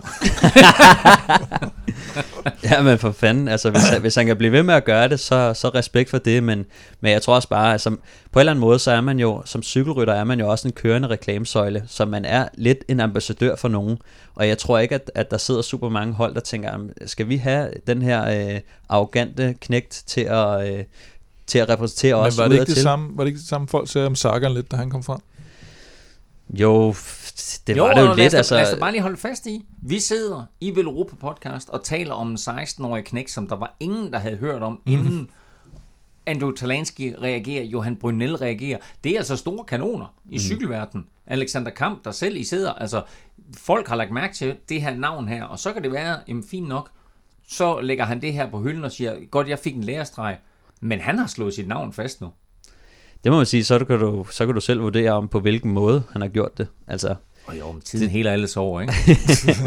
Jo, jo, men man kan sige bemærkelsesværdigt, at det er jo, det er jo også øh, sjovt nok, at det er E3, øh, det sker, som jo selv har været øh, ude med den der... Det kan være, de laver en plakat næste år, hvor der ligger en cykelrytter. Præcis, Fedt, altså. mand. Øh, hvem ved? Men altså, men, men jo, jeg tror også bare, at, at cykelsporten er så ydmyg, fordi du får så mange tæv. Altså, man får så mange tæv i cykelsporten, ikke? Altså, det er jo alle de cykelløb, du ikke vinder, der ender du med at, at knække, altså både fysisk og mentalt, og opgive. Altså, det er jo sådan, alle cykelløb, de ender med, at du på en eller anden måde bare sidder fuldstændig færdig og har opgivet. Altså, og, og det er jo lidt, det, det er jo lidt vildt at tænke på, ikke? Og, og, og hvor mange gange har, har, har, har Tobias ikke også siddet i den situation, hvor man tænker, fuck mand, jeg er helt færdig, og tak for i dag, ikke?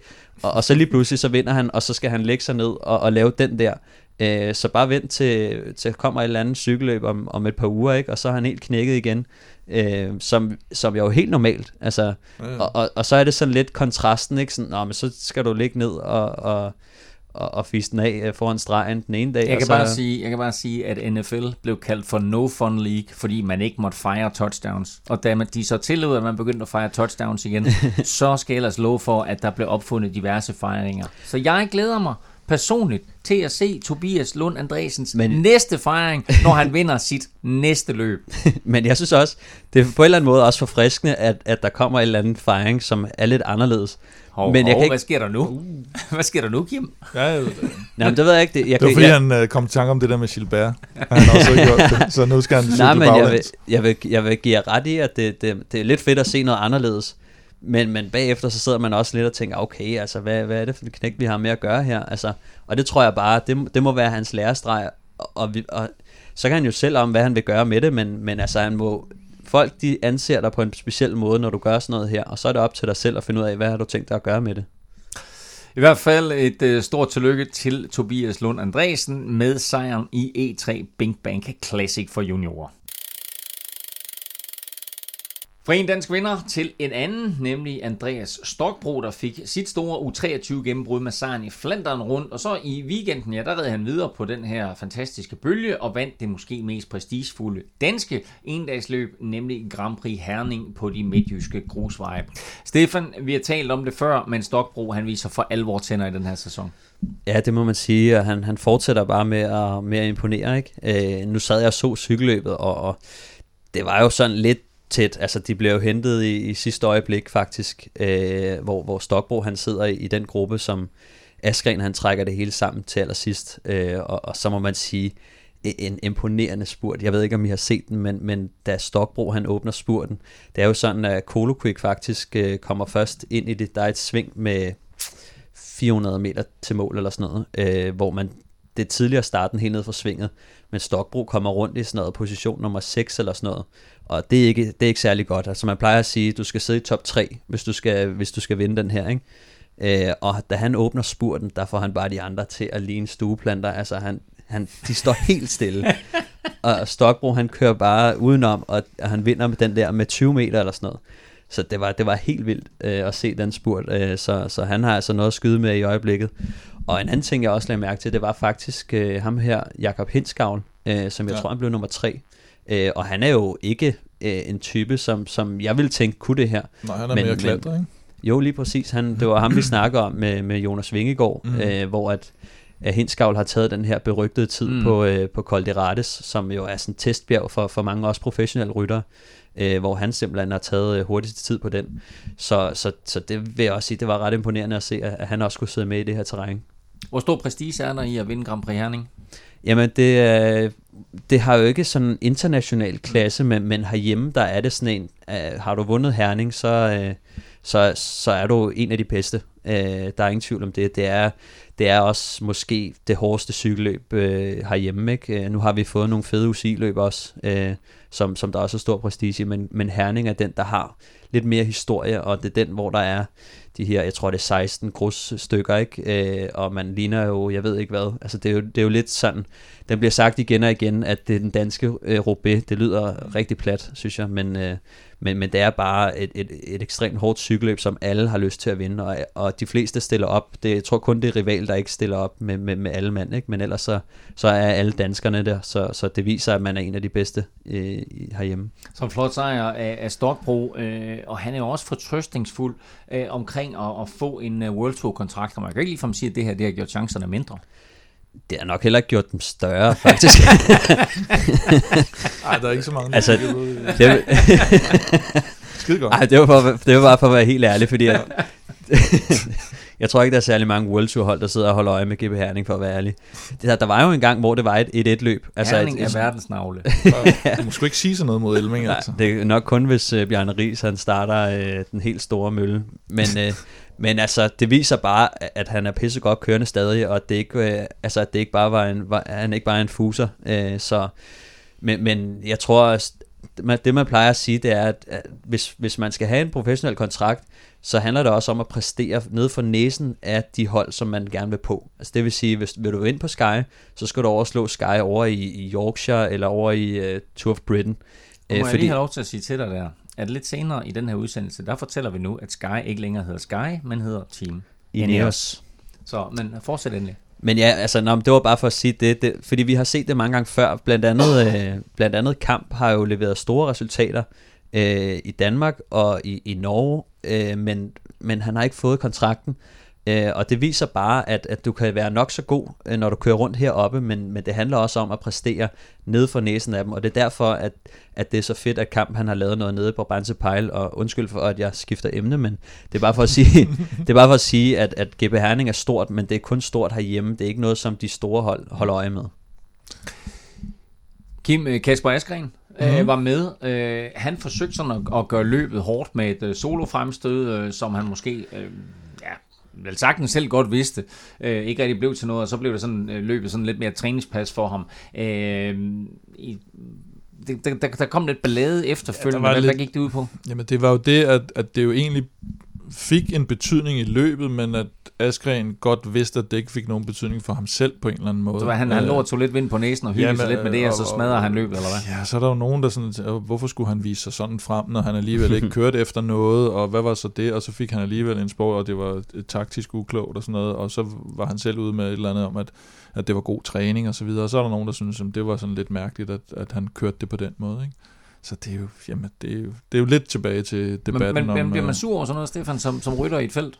Øhm, altså, jeg synes jo, det som Asger gør, han kører jo løbet hårdt, og han kører langt udefra, og sidder i sådan en, en, en tremandsgruppe, øh, sammen med, jeg tror det er Niklas Larsen øh, fra Koloquik, og øh, Torgil Veje fra Rival. Og, øh, og, og det ser jo egentlig fint ud, men, men, men når de bliver hentet, der kører en, en ny gruppe, så er det Askren, der sidder og lukker øh, den, den frontgruppe. Øh, og han sidder og lukker den med, med tre virturyttere på dæk. Og, og der sad jeg også selv og tænkte lidt sådan, Åh, hvorfor er det egentlig, han skal sidde og, og lukke cykelløbet mm. igen? Altså, fordi vi, vi havde en finale derude for, for nogen, der var kørt afsted. Men, men altså, det er jo så, det er jo så spørgsmål, fordi at vi, vi plejer jo at bruge Herning øh, som sådan et pejlemærke for, hvem er det bedste danske hold i øjeblikket. Øh, og, og, og den synes jeg, nogle gange så kommer de her, og så kommer Askren hjem og er pissegodt kørende og kan, jeg vil ikke sige, at han kan, han kan vinde det og så let som ingenting, men, men han kan spille en stor rolle i det, og, og nu vælger han at bruge sine kræfter til at lukke det, øh, lukke det hele ned og ødelægge, kan man sige, i, i gåsøjne cykelløbet for den frontgruppe, der sad derude.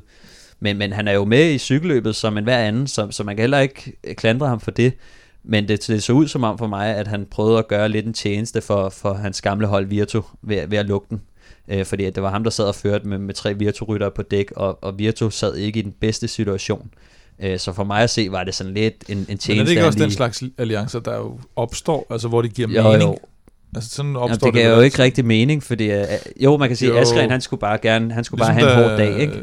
Og, og øh, Ligesom der, hvad hedder han... Øh, åh, nu kan jeg ikke engang huske, hvad han hedder, men ham, der tog lige pludselig en føring for Contador, fordi de havde kørt på hold i mange år sammen. ikke? nå, ja, ja. Gammel øh, læder, læderansigts italiener. Nu kan jeg ikke huske, hvad han hedder, mand.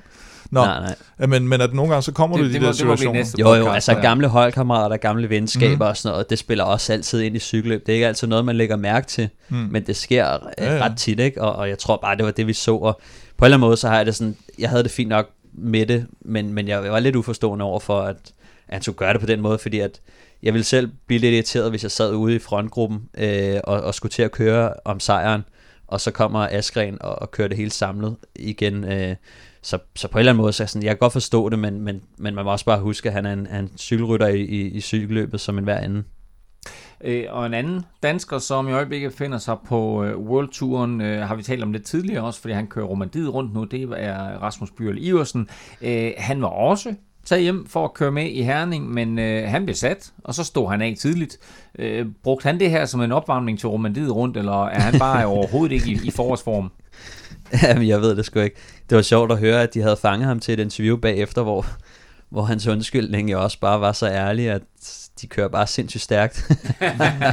så, og, og, Det er han ikke vant til. nej, åbenbart ikke. Øhm, men jeg synes bare, at det viser, hvor, hvor højt niveauet er hjemme i Danmark. Altså, og, og Rasmus, han, han tog jo chancen og tog til Italien, og vandt så en masse løb dernede, og, og fik så den her kontrakt. Men altså, Men der har du netop det der igen, som du pointerede før. Tag ned, vis dig frem, der Ja. hvor de store hold de er, præcis. øh, og så få en kontrakt. Ja, og man kan sige, måske er det måske er det en ting, man kan bruge, eller en ting, de andre danskere kunne lære lidt af. Øh, fordi at, som jeg ser det, så er niveauet bare hjemme så højt, øh, og der er ingen, der kigger herop øh, efter talenterne. Vi kan jo se, at alle dem, som, som kommer derud af, de, øh, de kan præstere. Det er, jo ikke, øh, det er jo ikke længe siden, at, at jeg har ligget og kørt race med Askren, og, og egentlig på en eller anden måde også kørt ret tæt op mod ham. Altså hvis vi snakker sådan... Men hvorfor var det, du ikke tog til Belgien og viste dig frem? Jamen det gad jeg simpelthen ikke. Han har vist sig frem i Go- Goiche Pile. Nej, det gjorde jeg ikke. Nej. men, men altså, øh, men for to år siden, der har jeg ligget og kørt øh, sådan rimelig op med, med, med Askren, ikke? To år senere, så, så bliver han nummer to i Flandern rundt. Mm. Mm. Øh, jeg har også, altså, der er bare så mange af de her danskere, som jeg også har ligget og kørt, kørt rundt med, ikke? Og, og lige pludselig, så, øh, så slår de igennem, de kommer ind på et, på, på et stort hold, og så kan de bare være med i verdenseliten, og der er rigtig mange andre danskere, der også kan det samme. Og, og det synes jeg, nogle af rivalrytterne også viser her, øh, Kamp, øh, Emil Vinjebo, Øh, flere af de her gutter har altså vist, at de kan noget, og der er bare rigtig mange øh, store talenter i Danmark, og det er derfor, jeg synes, det, det er lidt ærgerligt, at, at de ikke kommer lidt mere derud af. Øh, men jeg vil sige, den, den er lidt skidt for Rasmus Byr, eller, og, og jeg tror desværre ikke, at han er så god, som, øh, som vi egentlig forventede. Jeg tænkte, Nå, hvis, han, hvis han får den her kontrakt, så har de set et eller andet helt vanvittigt i ham. Men når han så kommer hjem og får øh, ørerne i, i maskinen herhjemme, så, så, så, så tror jeg bare, så, så er han måske blevet en lille smule bedre, end han var før, men, men, men altså, det er ikke rykket det helt store. Og jeg vil sige, at jeg var lidt bekymret, da jeg så hørte ham stå og, og udgå her, og så siger han, det var, det var, god, det var godt at få noget god træning inden romandiet. så tænker jeg, ah, okay, det, det bliver nok en, en hård uge for ham. Det positive ved det her, det er, at øh, vi har rigtig, rigtig meget cykeltalent i, i Danmark lige nu, og det er altså ikke kun de drenge, der befinder sig på World Touren, som gør det godt. Vi har altså et par, par danskere, som øh, har masser af talent, der ligger og kører rundt i Danmark i øjeblikket. Øh, både øh, yngre kræfter og lidt ældre kræfter. Øh, vi skal fra et øh, stort endagsløb i Danmark til et af de mest berømte endagsløb i Tyskland, nemlig Eschborn Frankfurt, øh, og det vil mange kende som øh, det tidligere rundt om den Henniger Turm. Øh, det blev kørt i dag onsdag, og det endte, som det plejer at gøre, i en masse spurt, men for en gang skyld, der blev det ikke Alexander Kristoff øh, første år stregen. Øh, nordmanden, han har ellers vundet de sidste øh, de fire. seneste fire, hvad siger du? Fire år, ja. Ja, fire, altså det var så fire ud af fem år, for der var et enkelt år, der blev aflyst på grund af noget terrortrussel. Men øh, han har vundet de seneste fire udgaver af øh, Esbjørn og Frankfurt, eller rundt om den Henniger Turm. I dag der måtte han se sig henvist til tredjepladsen bag vinderen, som var Pascal Ackermann, og så med John Degenkolb som toer. Øh, og Kim, du havde jo tidligere, da vi lavede det her sprinterbarometer, der havde du jo Pascal Ackermann øh, ret højt, og han bliver sådan set ved med at imponere. Ja, selvfølgelig. Hashtag Europa-effekten. Ja, nej, øh, ja, det er, han er, det var, det var lidt sjovt spurgt. Han var, ved, han var virkelig ved at blive lukket inde et par gange, øh, hvor man tænkte, okay, det, det, det, han ryger sgu lidt for langt tilbage, og så, øh, og så kommer han ikke op, men, men får den reddet to gange, og kommer forbi, og man kan, man, kan, man kan også se, at han sidder sådan nærmest, nu skal jeg forbi her, fordi jeg er, jeg er den hurtigste. Så, øh, så det, var, det var godt for ham. Han, ja, vild kamp. Han lige noget, vild kamp. forbi, ja. Ja, ja. Hvad skal vi Jamen, jeg kigger på dig, Stefan, fordi uh, du vil sige et eller andet. Nej, men det var bare for at sige, at spurten var fuldstændig vanvittig, ikke? Uh, så, så det var, det var imponerende, at han alligevel fik klemt sig frem der. Men han er god. Uh, han er god. Hvem var det, der var din bobler? Det var Danny van Poppel, eller? Ja, men han er også god. Det er ja. han også. Men, men altså, jo, hvad, uh, Ackermann, han er 25 år. Uh, tysk mester. Ja. Uh, Ja, Kæmpe... de, største, de største sprinter er ikke med her, så jeg vil ikke tillade mig at kalde det en billig baggrund, de brillerer på, men altså, vi har ikke de 4-5 største sprinter med, men er Ackermann lige bag ved dem, eller hvad? Ja, det synes jeg, han er. Det synes jeg. Altså, øh, og så er han på et, øh, han på et svært hold jo, når det handler om sprinter. Han er på et hold med Sagan og Sam Bennett. Øh, og det, det, ja. det kan blive lidt noget, noget bøvl ikke, i længden, og der skal, der skal nok ske noget, nogen skal et andet sted hen og sådan noget, ikke? Øh, for, fordi det, det er for mange kort, de har der. Ja, helt klart. Men altså, han er en af dem, som, som vi skal regne med i, i fremtiden. Og, mm. og fremtiden er mås- har måske allerede. Ikke? Mm. Øh, det er bare et spørgsmål om, som Kim også siger, det er det der med lige at komme, komme, til, komme til fadet, fordi at øh, når, når Sagan er der, og når Sam Bennett også er der, så, bliver, altså, så er han den, der, der er lidt yngre, og som måske ikke har bevist lige så meget endnu. Mm. Men, men farten, den, den viser altså, at han er, han er godt på vej. Og Max, Max Schachmann er der, altså øh, flere rigtig, rigtig gode rytter på det her hold. Ja, det må man sige. Og bliver to og tre i Lombardiet jo også øh, efter Fogelsang. Sådan altså øh, Esborn og Frankfurt vundet af Pascal Ackermann foran Tom Degenkolb og så med norske Alexander Kristoff på tredjepladsen.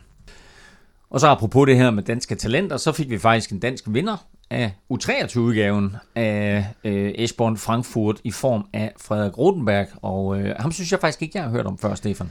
Nej, men det er der faktisk en god grund til, øh, fordi Frederik øh, han har været ude med, med en knæskade øh, i de seneste to sæsoner faktisk. Øh, men, men han var jo med i det her øh, 4 km hold, der vandt, øh, var det bronze øh, ved OL øh, i Rio. Øh, så så, så han, han kommer lidt fra banesporten, men han er faktisk måske vores største sprintertalent øh, lige nu. Øh, så, så det er rigtig fedt at se, at han er kommet ovenpå igen, fordi at, jeg kan huske, at jeg snakkede lidt mere om, for det, det var en knæskade, der mindede meget om, om min egen, og, og, og jeg snakkede lidt mere om, hvad, hvad jeg havde gjort, og hvad, hvad der måske var godt at gøre, og han, han, havde, han, han var jo et stort talent, øh, og fik jo inputs alle, alle steder fra, og, og, og jeg tror faktisk, han blev opereret i, i begge knæ, øh, og, og så endelig øh, kommet ovenpå igen, så, så rigtig fedt, at han er kommet tilbage, og, og at han vinder det her, øh, det viser bare, øh, at han er en af de største sprintertalenter i verden. God sejr til øh, Frederik Rotenberg, og altså endnu en gang kan vi kigge lidt med øh, den rød-hvide klaphat, og så sige, øh, den her øh, junior- eller øh, ungdoms, øh, det her antal af juniorrytter og ungdomstalenter, som vi har i Danmark, er altså ret uovertruffen i øjeblikket. VM afholdes i år i engelske Yorkshire, og derfor så er der lidt ekstra fokus på etabeløbet Tour de Yorkshire, der starter i morgen torsdag. Sidste år der vandt Magnus Kort en øh, flot etape, hvor han slog den senere vinder Greg van Avermaet i en spurt op ad bakke. Hverken Kort eller Astana er med i år, men det er danske rival Readiness derimod. Alexander Kamp er forhåbentlig stadig i stor form efter en ny højdetræningslejr, og denne gang i Sierra Nevada, sammen med Emil Vinjebo og så Stokbro on Fire, udgør de en øh, solid trio, der vel burde kunne gøre sig gældende i et øh, sådan ikke alt for skarpt selskab, selvom store navne som øh, Froome, Van Avermaet, Marcel Kittel og Mark Cavendish er med, Stefan. Øh, ja, som du siger, det, det er store navne, øh, men, men, men ud over det, så, øh, så er det til at have med at gøre, mm. øh, specielt med den styrke, de har vist øh, i år. Så, så præcis som du siger, Alexander Kamp, tror jeg, at deres øh, umiddelbare øh, spydspids, men øh, skulle det blive en, en større spurt, så tror jeg, at de, de vil prøve lidt på Stokbro og bliver det mere udmattende cykelløb, så er det Emil Vinjebo, tror jeg, vi skal, vi skal regne med. Og selvfølgelig Alexander Kamp og Stokbro, men, men altså, det er altså tre rigtig gode kort øh, at have med det over, fordi at så, som, man, som man kender det, så er det sådan et cykelløb. Det, det går meget op og ned, men man kan ikke rigtig se på profilen, hvor, hvor hårdt det er, mm. hvor meget det går op og ned.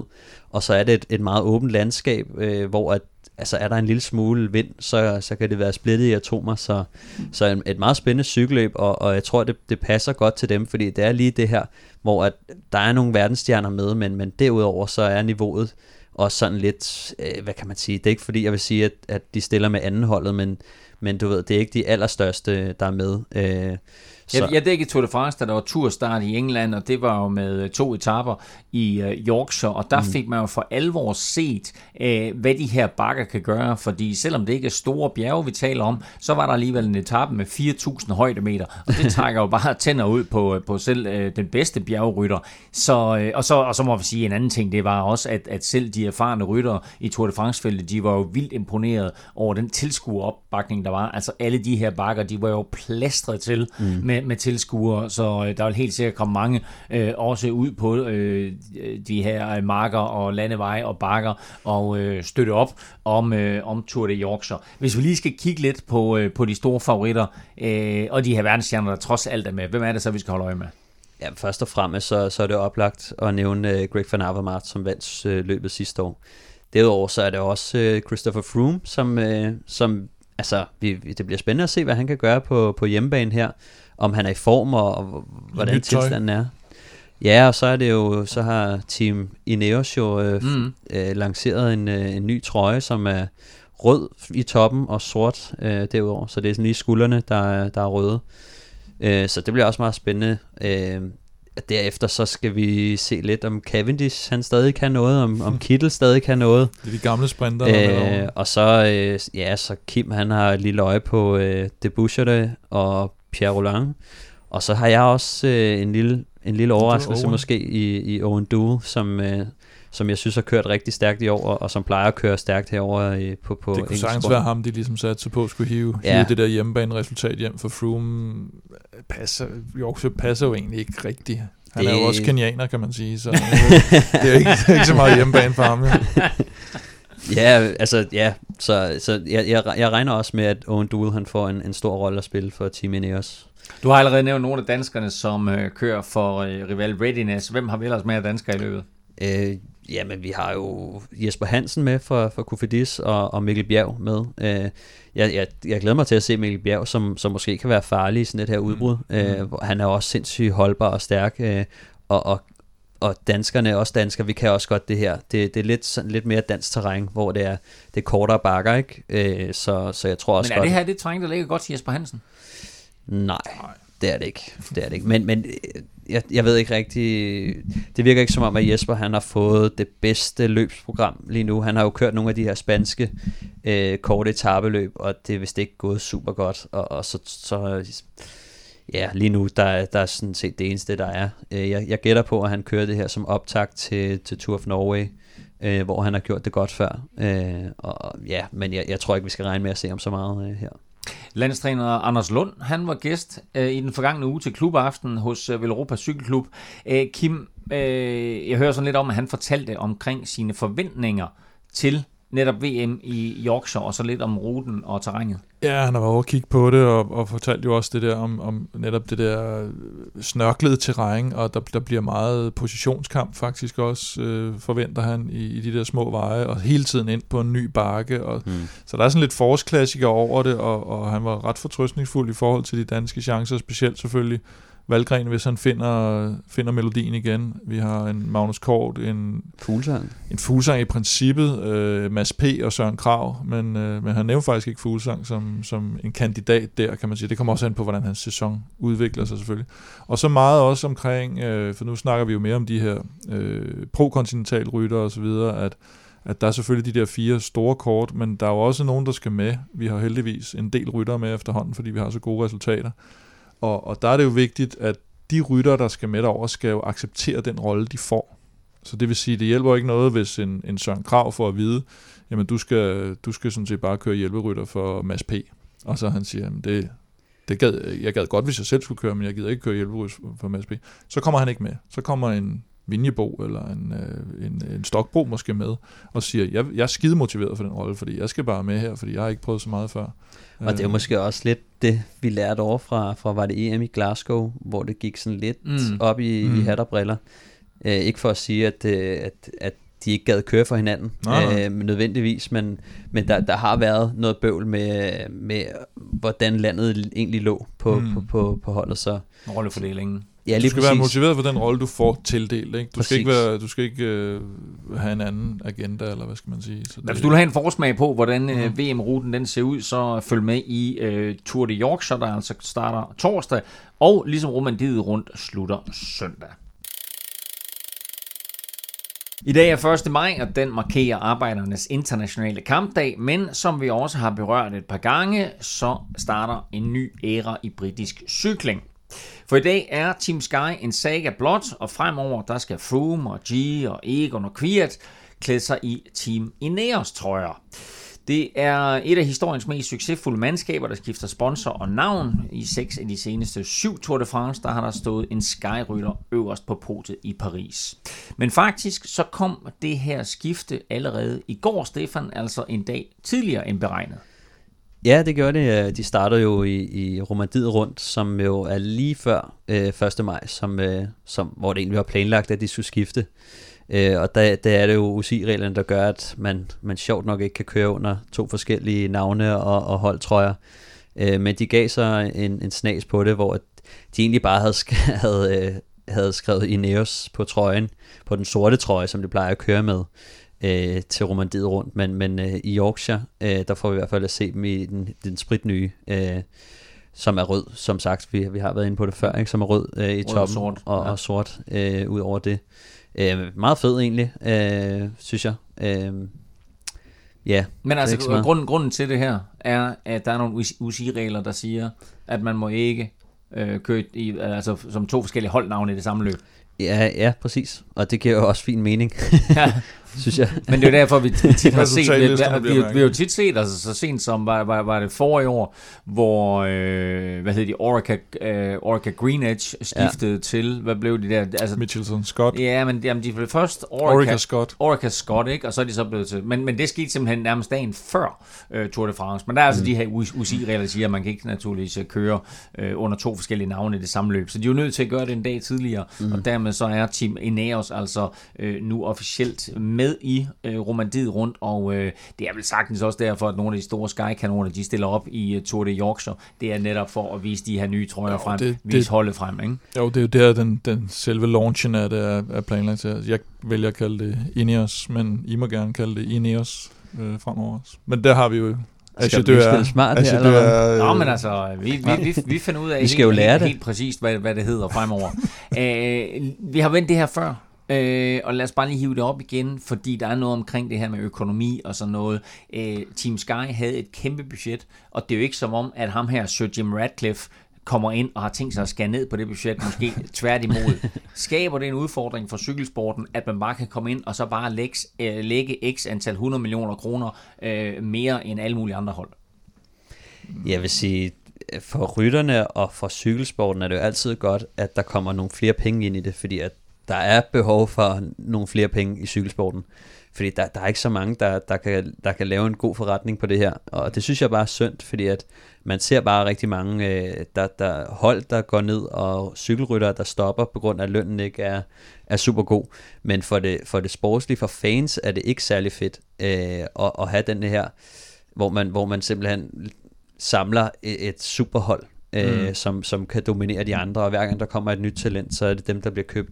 Så, så for, for, sådan, for cykelløbets skyld, så er det ikke super øh, at få sådan Altså, jeg et... synes, den, den, den væsentligste ændring, synes jeg, set for cykelsporten, det er, at vi igen ser, at det er sådan en, en, en ekscentriker, der kommer ind, Mm. og ligesom skal bruge det her. Han, han skal jo bruge, hvis vi cutter alt deres uh, PR-bullshit, så skal han jo bruge det her til at greenwashe sin virksomhed som forurener.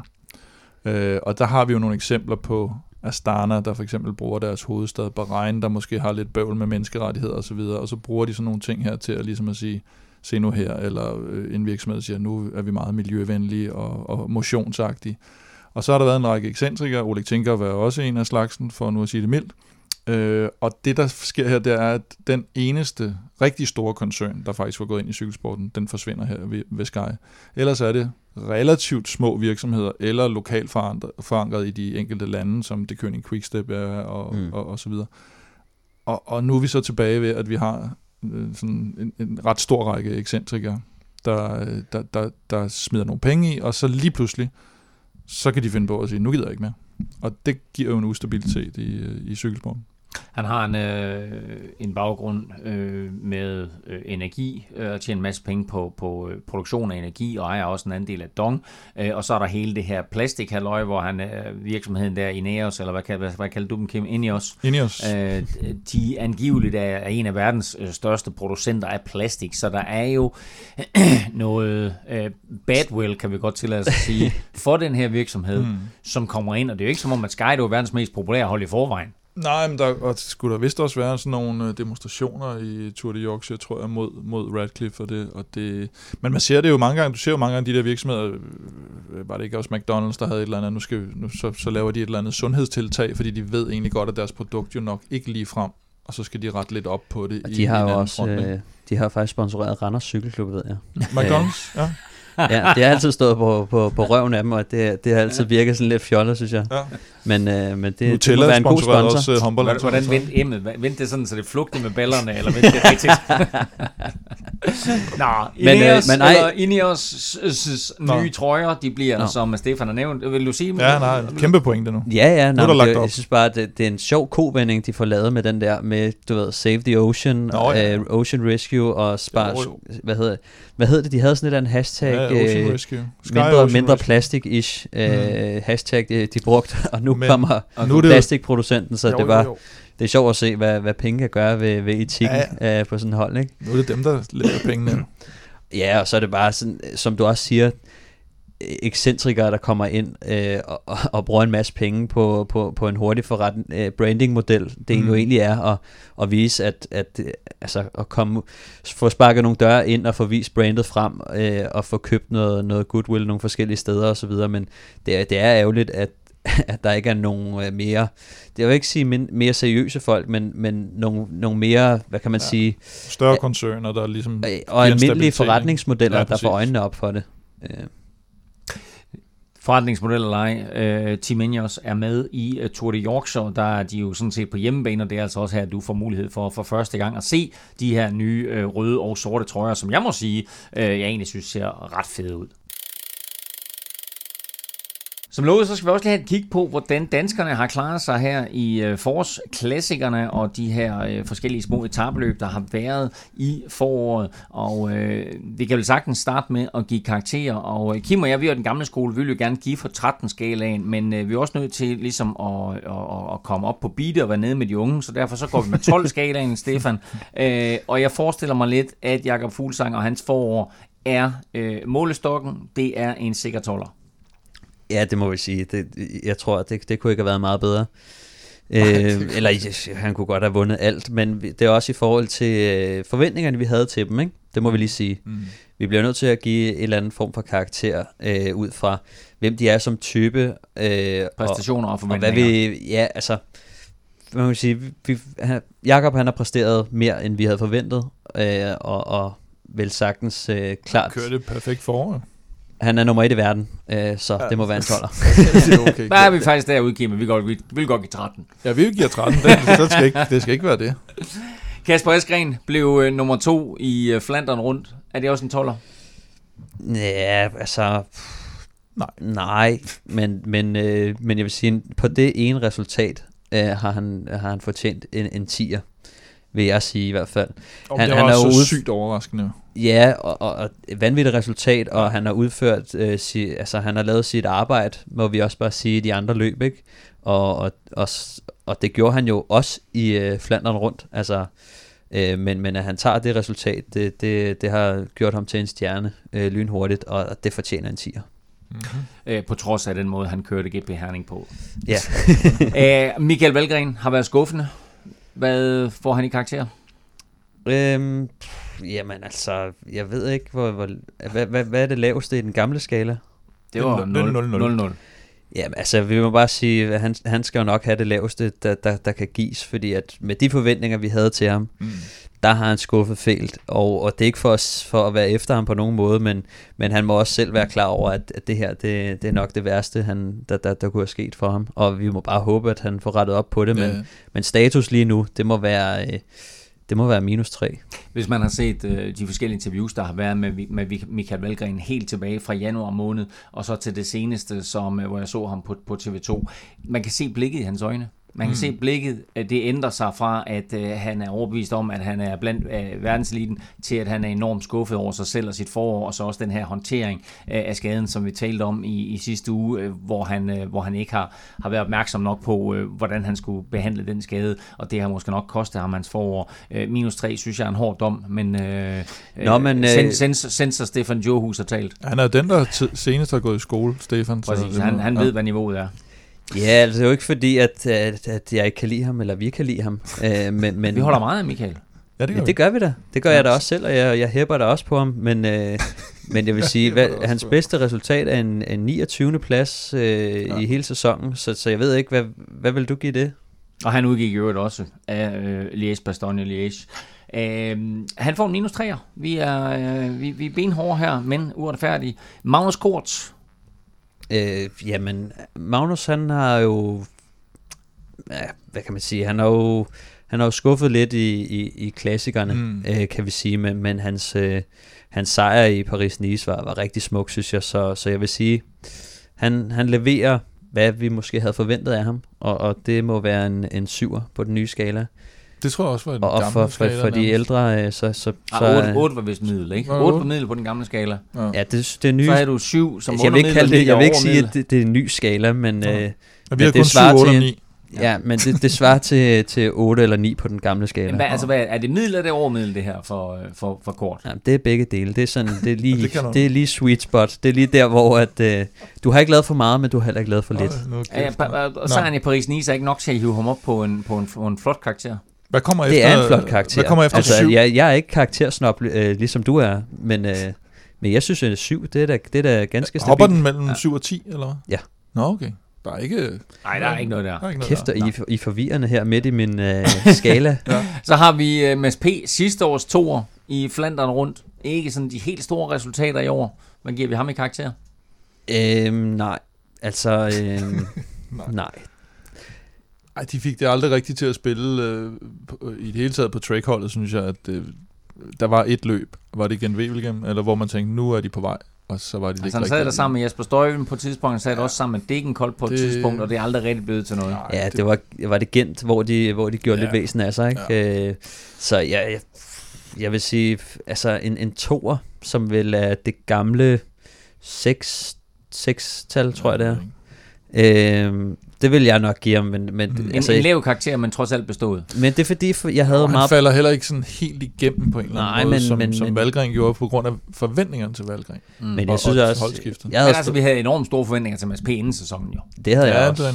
Men jeg vil sige, okay, han, han, blev, han gjorde lidt væsen af sig i, i, øh, i Tirreno Adriatico. Øh, Jeg ved ikke, om I kan huske det, men, Mm. men øh, han blev øh, nummer 6 på, på den afgørende enkeltstart, ikke? Øh, og, og havde en enkelt syvende plads også på en af de andre etaper, og jeg, har kørt også stærkt på enkeltstarten i Algarve, kan jeg huske, så, så, så han, har, han har vist, at han har et niveau, men han har bare ikke leveret, og, mm. og, og det, det, er jo, det er jo ærgerligt, og, og derfor så, så tror jeg sgu, at, at jeg vil give en, en toer, fordi at det, er, det har været nogle skuffelser, men, men han viser, at, at han er der. Altså han viser, at han er der på en eller anden måde.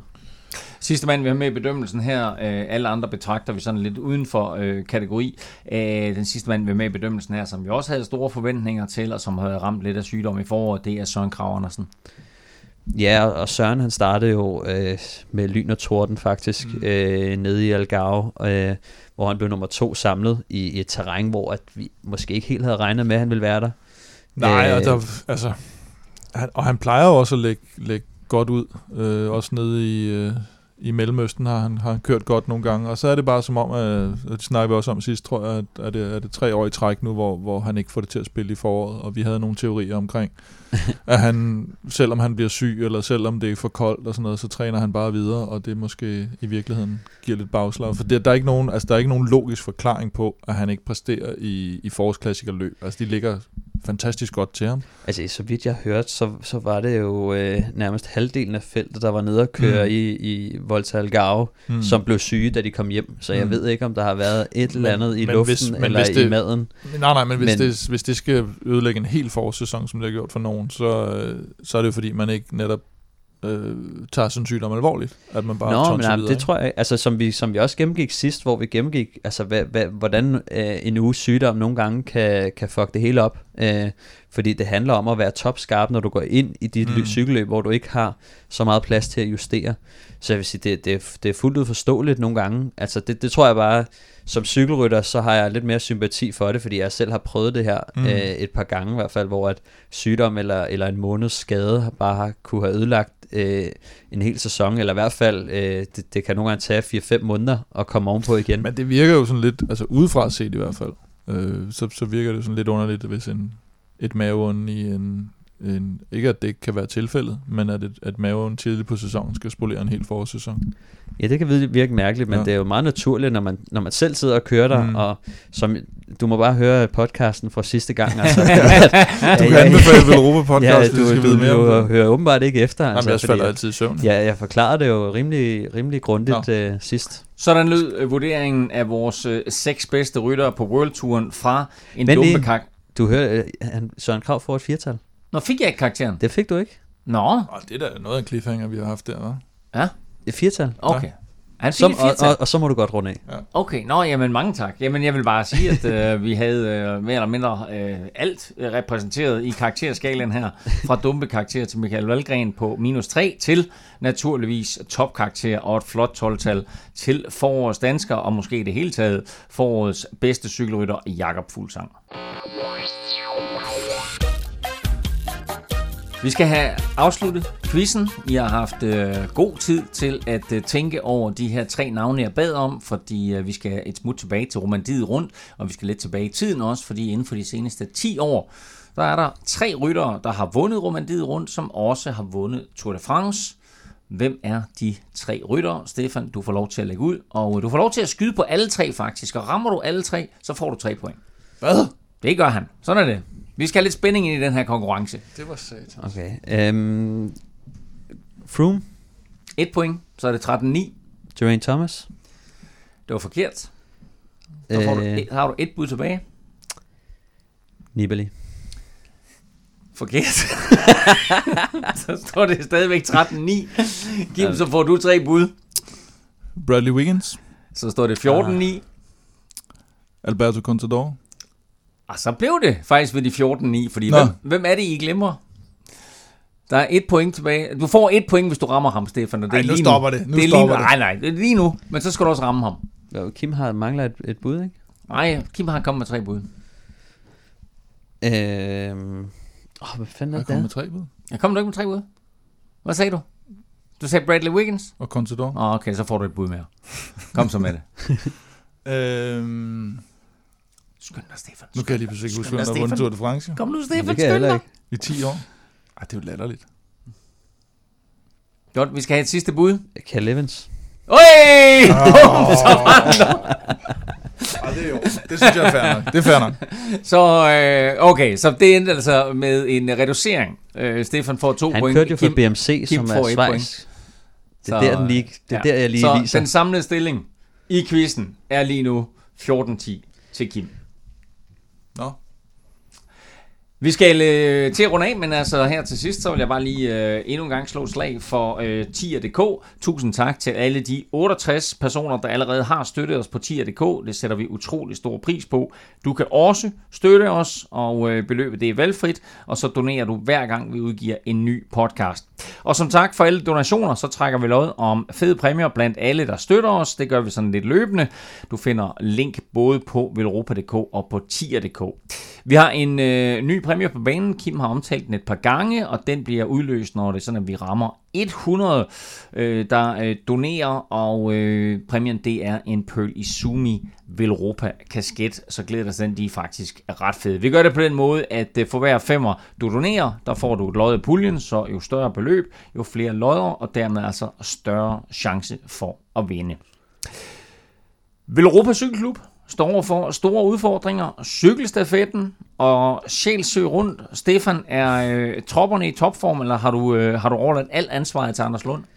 øh, ja, men Anders Lund, han er jo den kompetente mand til det, tror jeg. Men øh, ej, øh, jeg har, øh, jeg har selv lige ligget syg, så jeg har ikke lige været ude med, med drengene her på det sidste, men, men jeg vender stærkt tilbage øh, på, på søndag, øh, og, og kommer også de næste par søndage, så, så vi skal lige ud og teste, vi skal lige ud og fintune det sidste, øh, så vi skal finde på et eller andet sjovt, som de lige kan, hvor Jeg vi lige tænker, kan få det snart er ved at være cykel. på tide med noget top 10 placering. Altså, der er... Der er Ellers så må jeg selv stille op, jo. Altså, så må jeg selv Uh, komme, så får altså. vi comeback her. Der er store forventninger til Velropa Cykelklub i, i de her to løb. Øh, Kim, Sjælsø rundt og cykelstafetten. Øh, man kan vel stadigvæk øh, tilmelde sig, hvis man øh, har lyst til at være med. Man kan Øh, stadigvæk komme ind og, ja. ja. på deres respektive hjemmesider og, og være med. Og så ryger vi også med i stjerneløbet. På, men det er først til efteråret. Ej, det, der er lang tid til, vi skal snakke om stjerneløb. Men ja. Altså, hvis man vil have den her øh, udsøgte fornøjelse, det er at få lov til at prøve at køre imod øh, Stefan Djurhuses udvalgte på Velropa Cykelklub, så gå ind på cykelstafetten eller Sjælsø Runds hjemmesider og øh, tilmelde. Det er altså ret fed, øh, ret fed øh, hvad hedder det, motionsløb, det her. Øh, man kan køre det som motionsløb, eller man kan køre konkurrence, men øh, altid sjovt at ligge og øh, cykle med i de her lidt større og flot arrangerede løb. Kim Plesner og Velropa kan du følge både på Twitter og Instagram. Det sker på Snablag Velropa. Stefan er at finde på Snablag Stefan Djurhus. Og undertegnet kan du følge alle steder på Snablag NFL Ming. Tak for nu. Tak fordi du lyttede med. Bornholm, Bornholm, Bornholm. Du.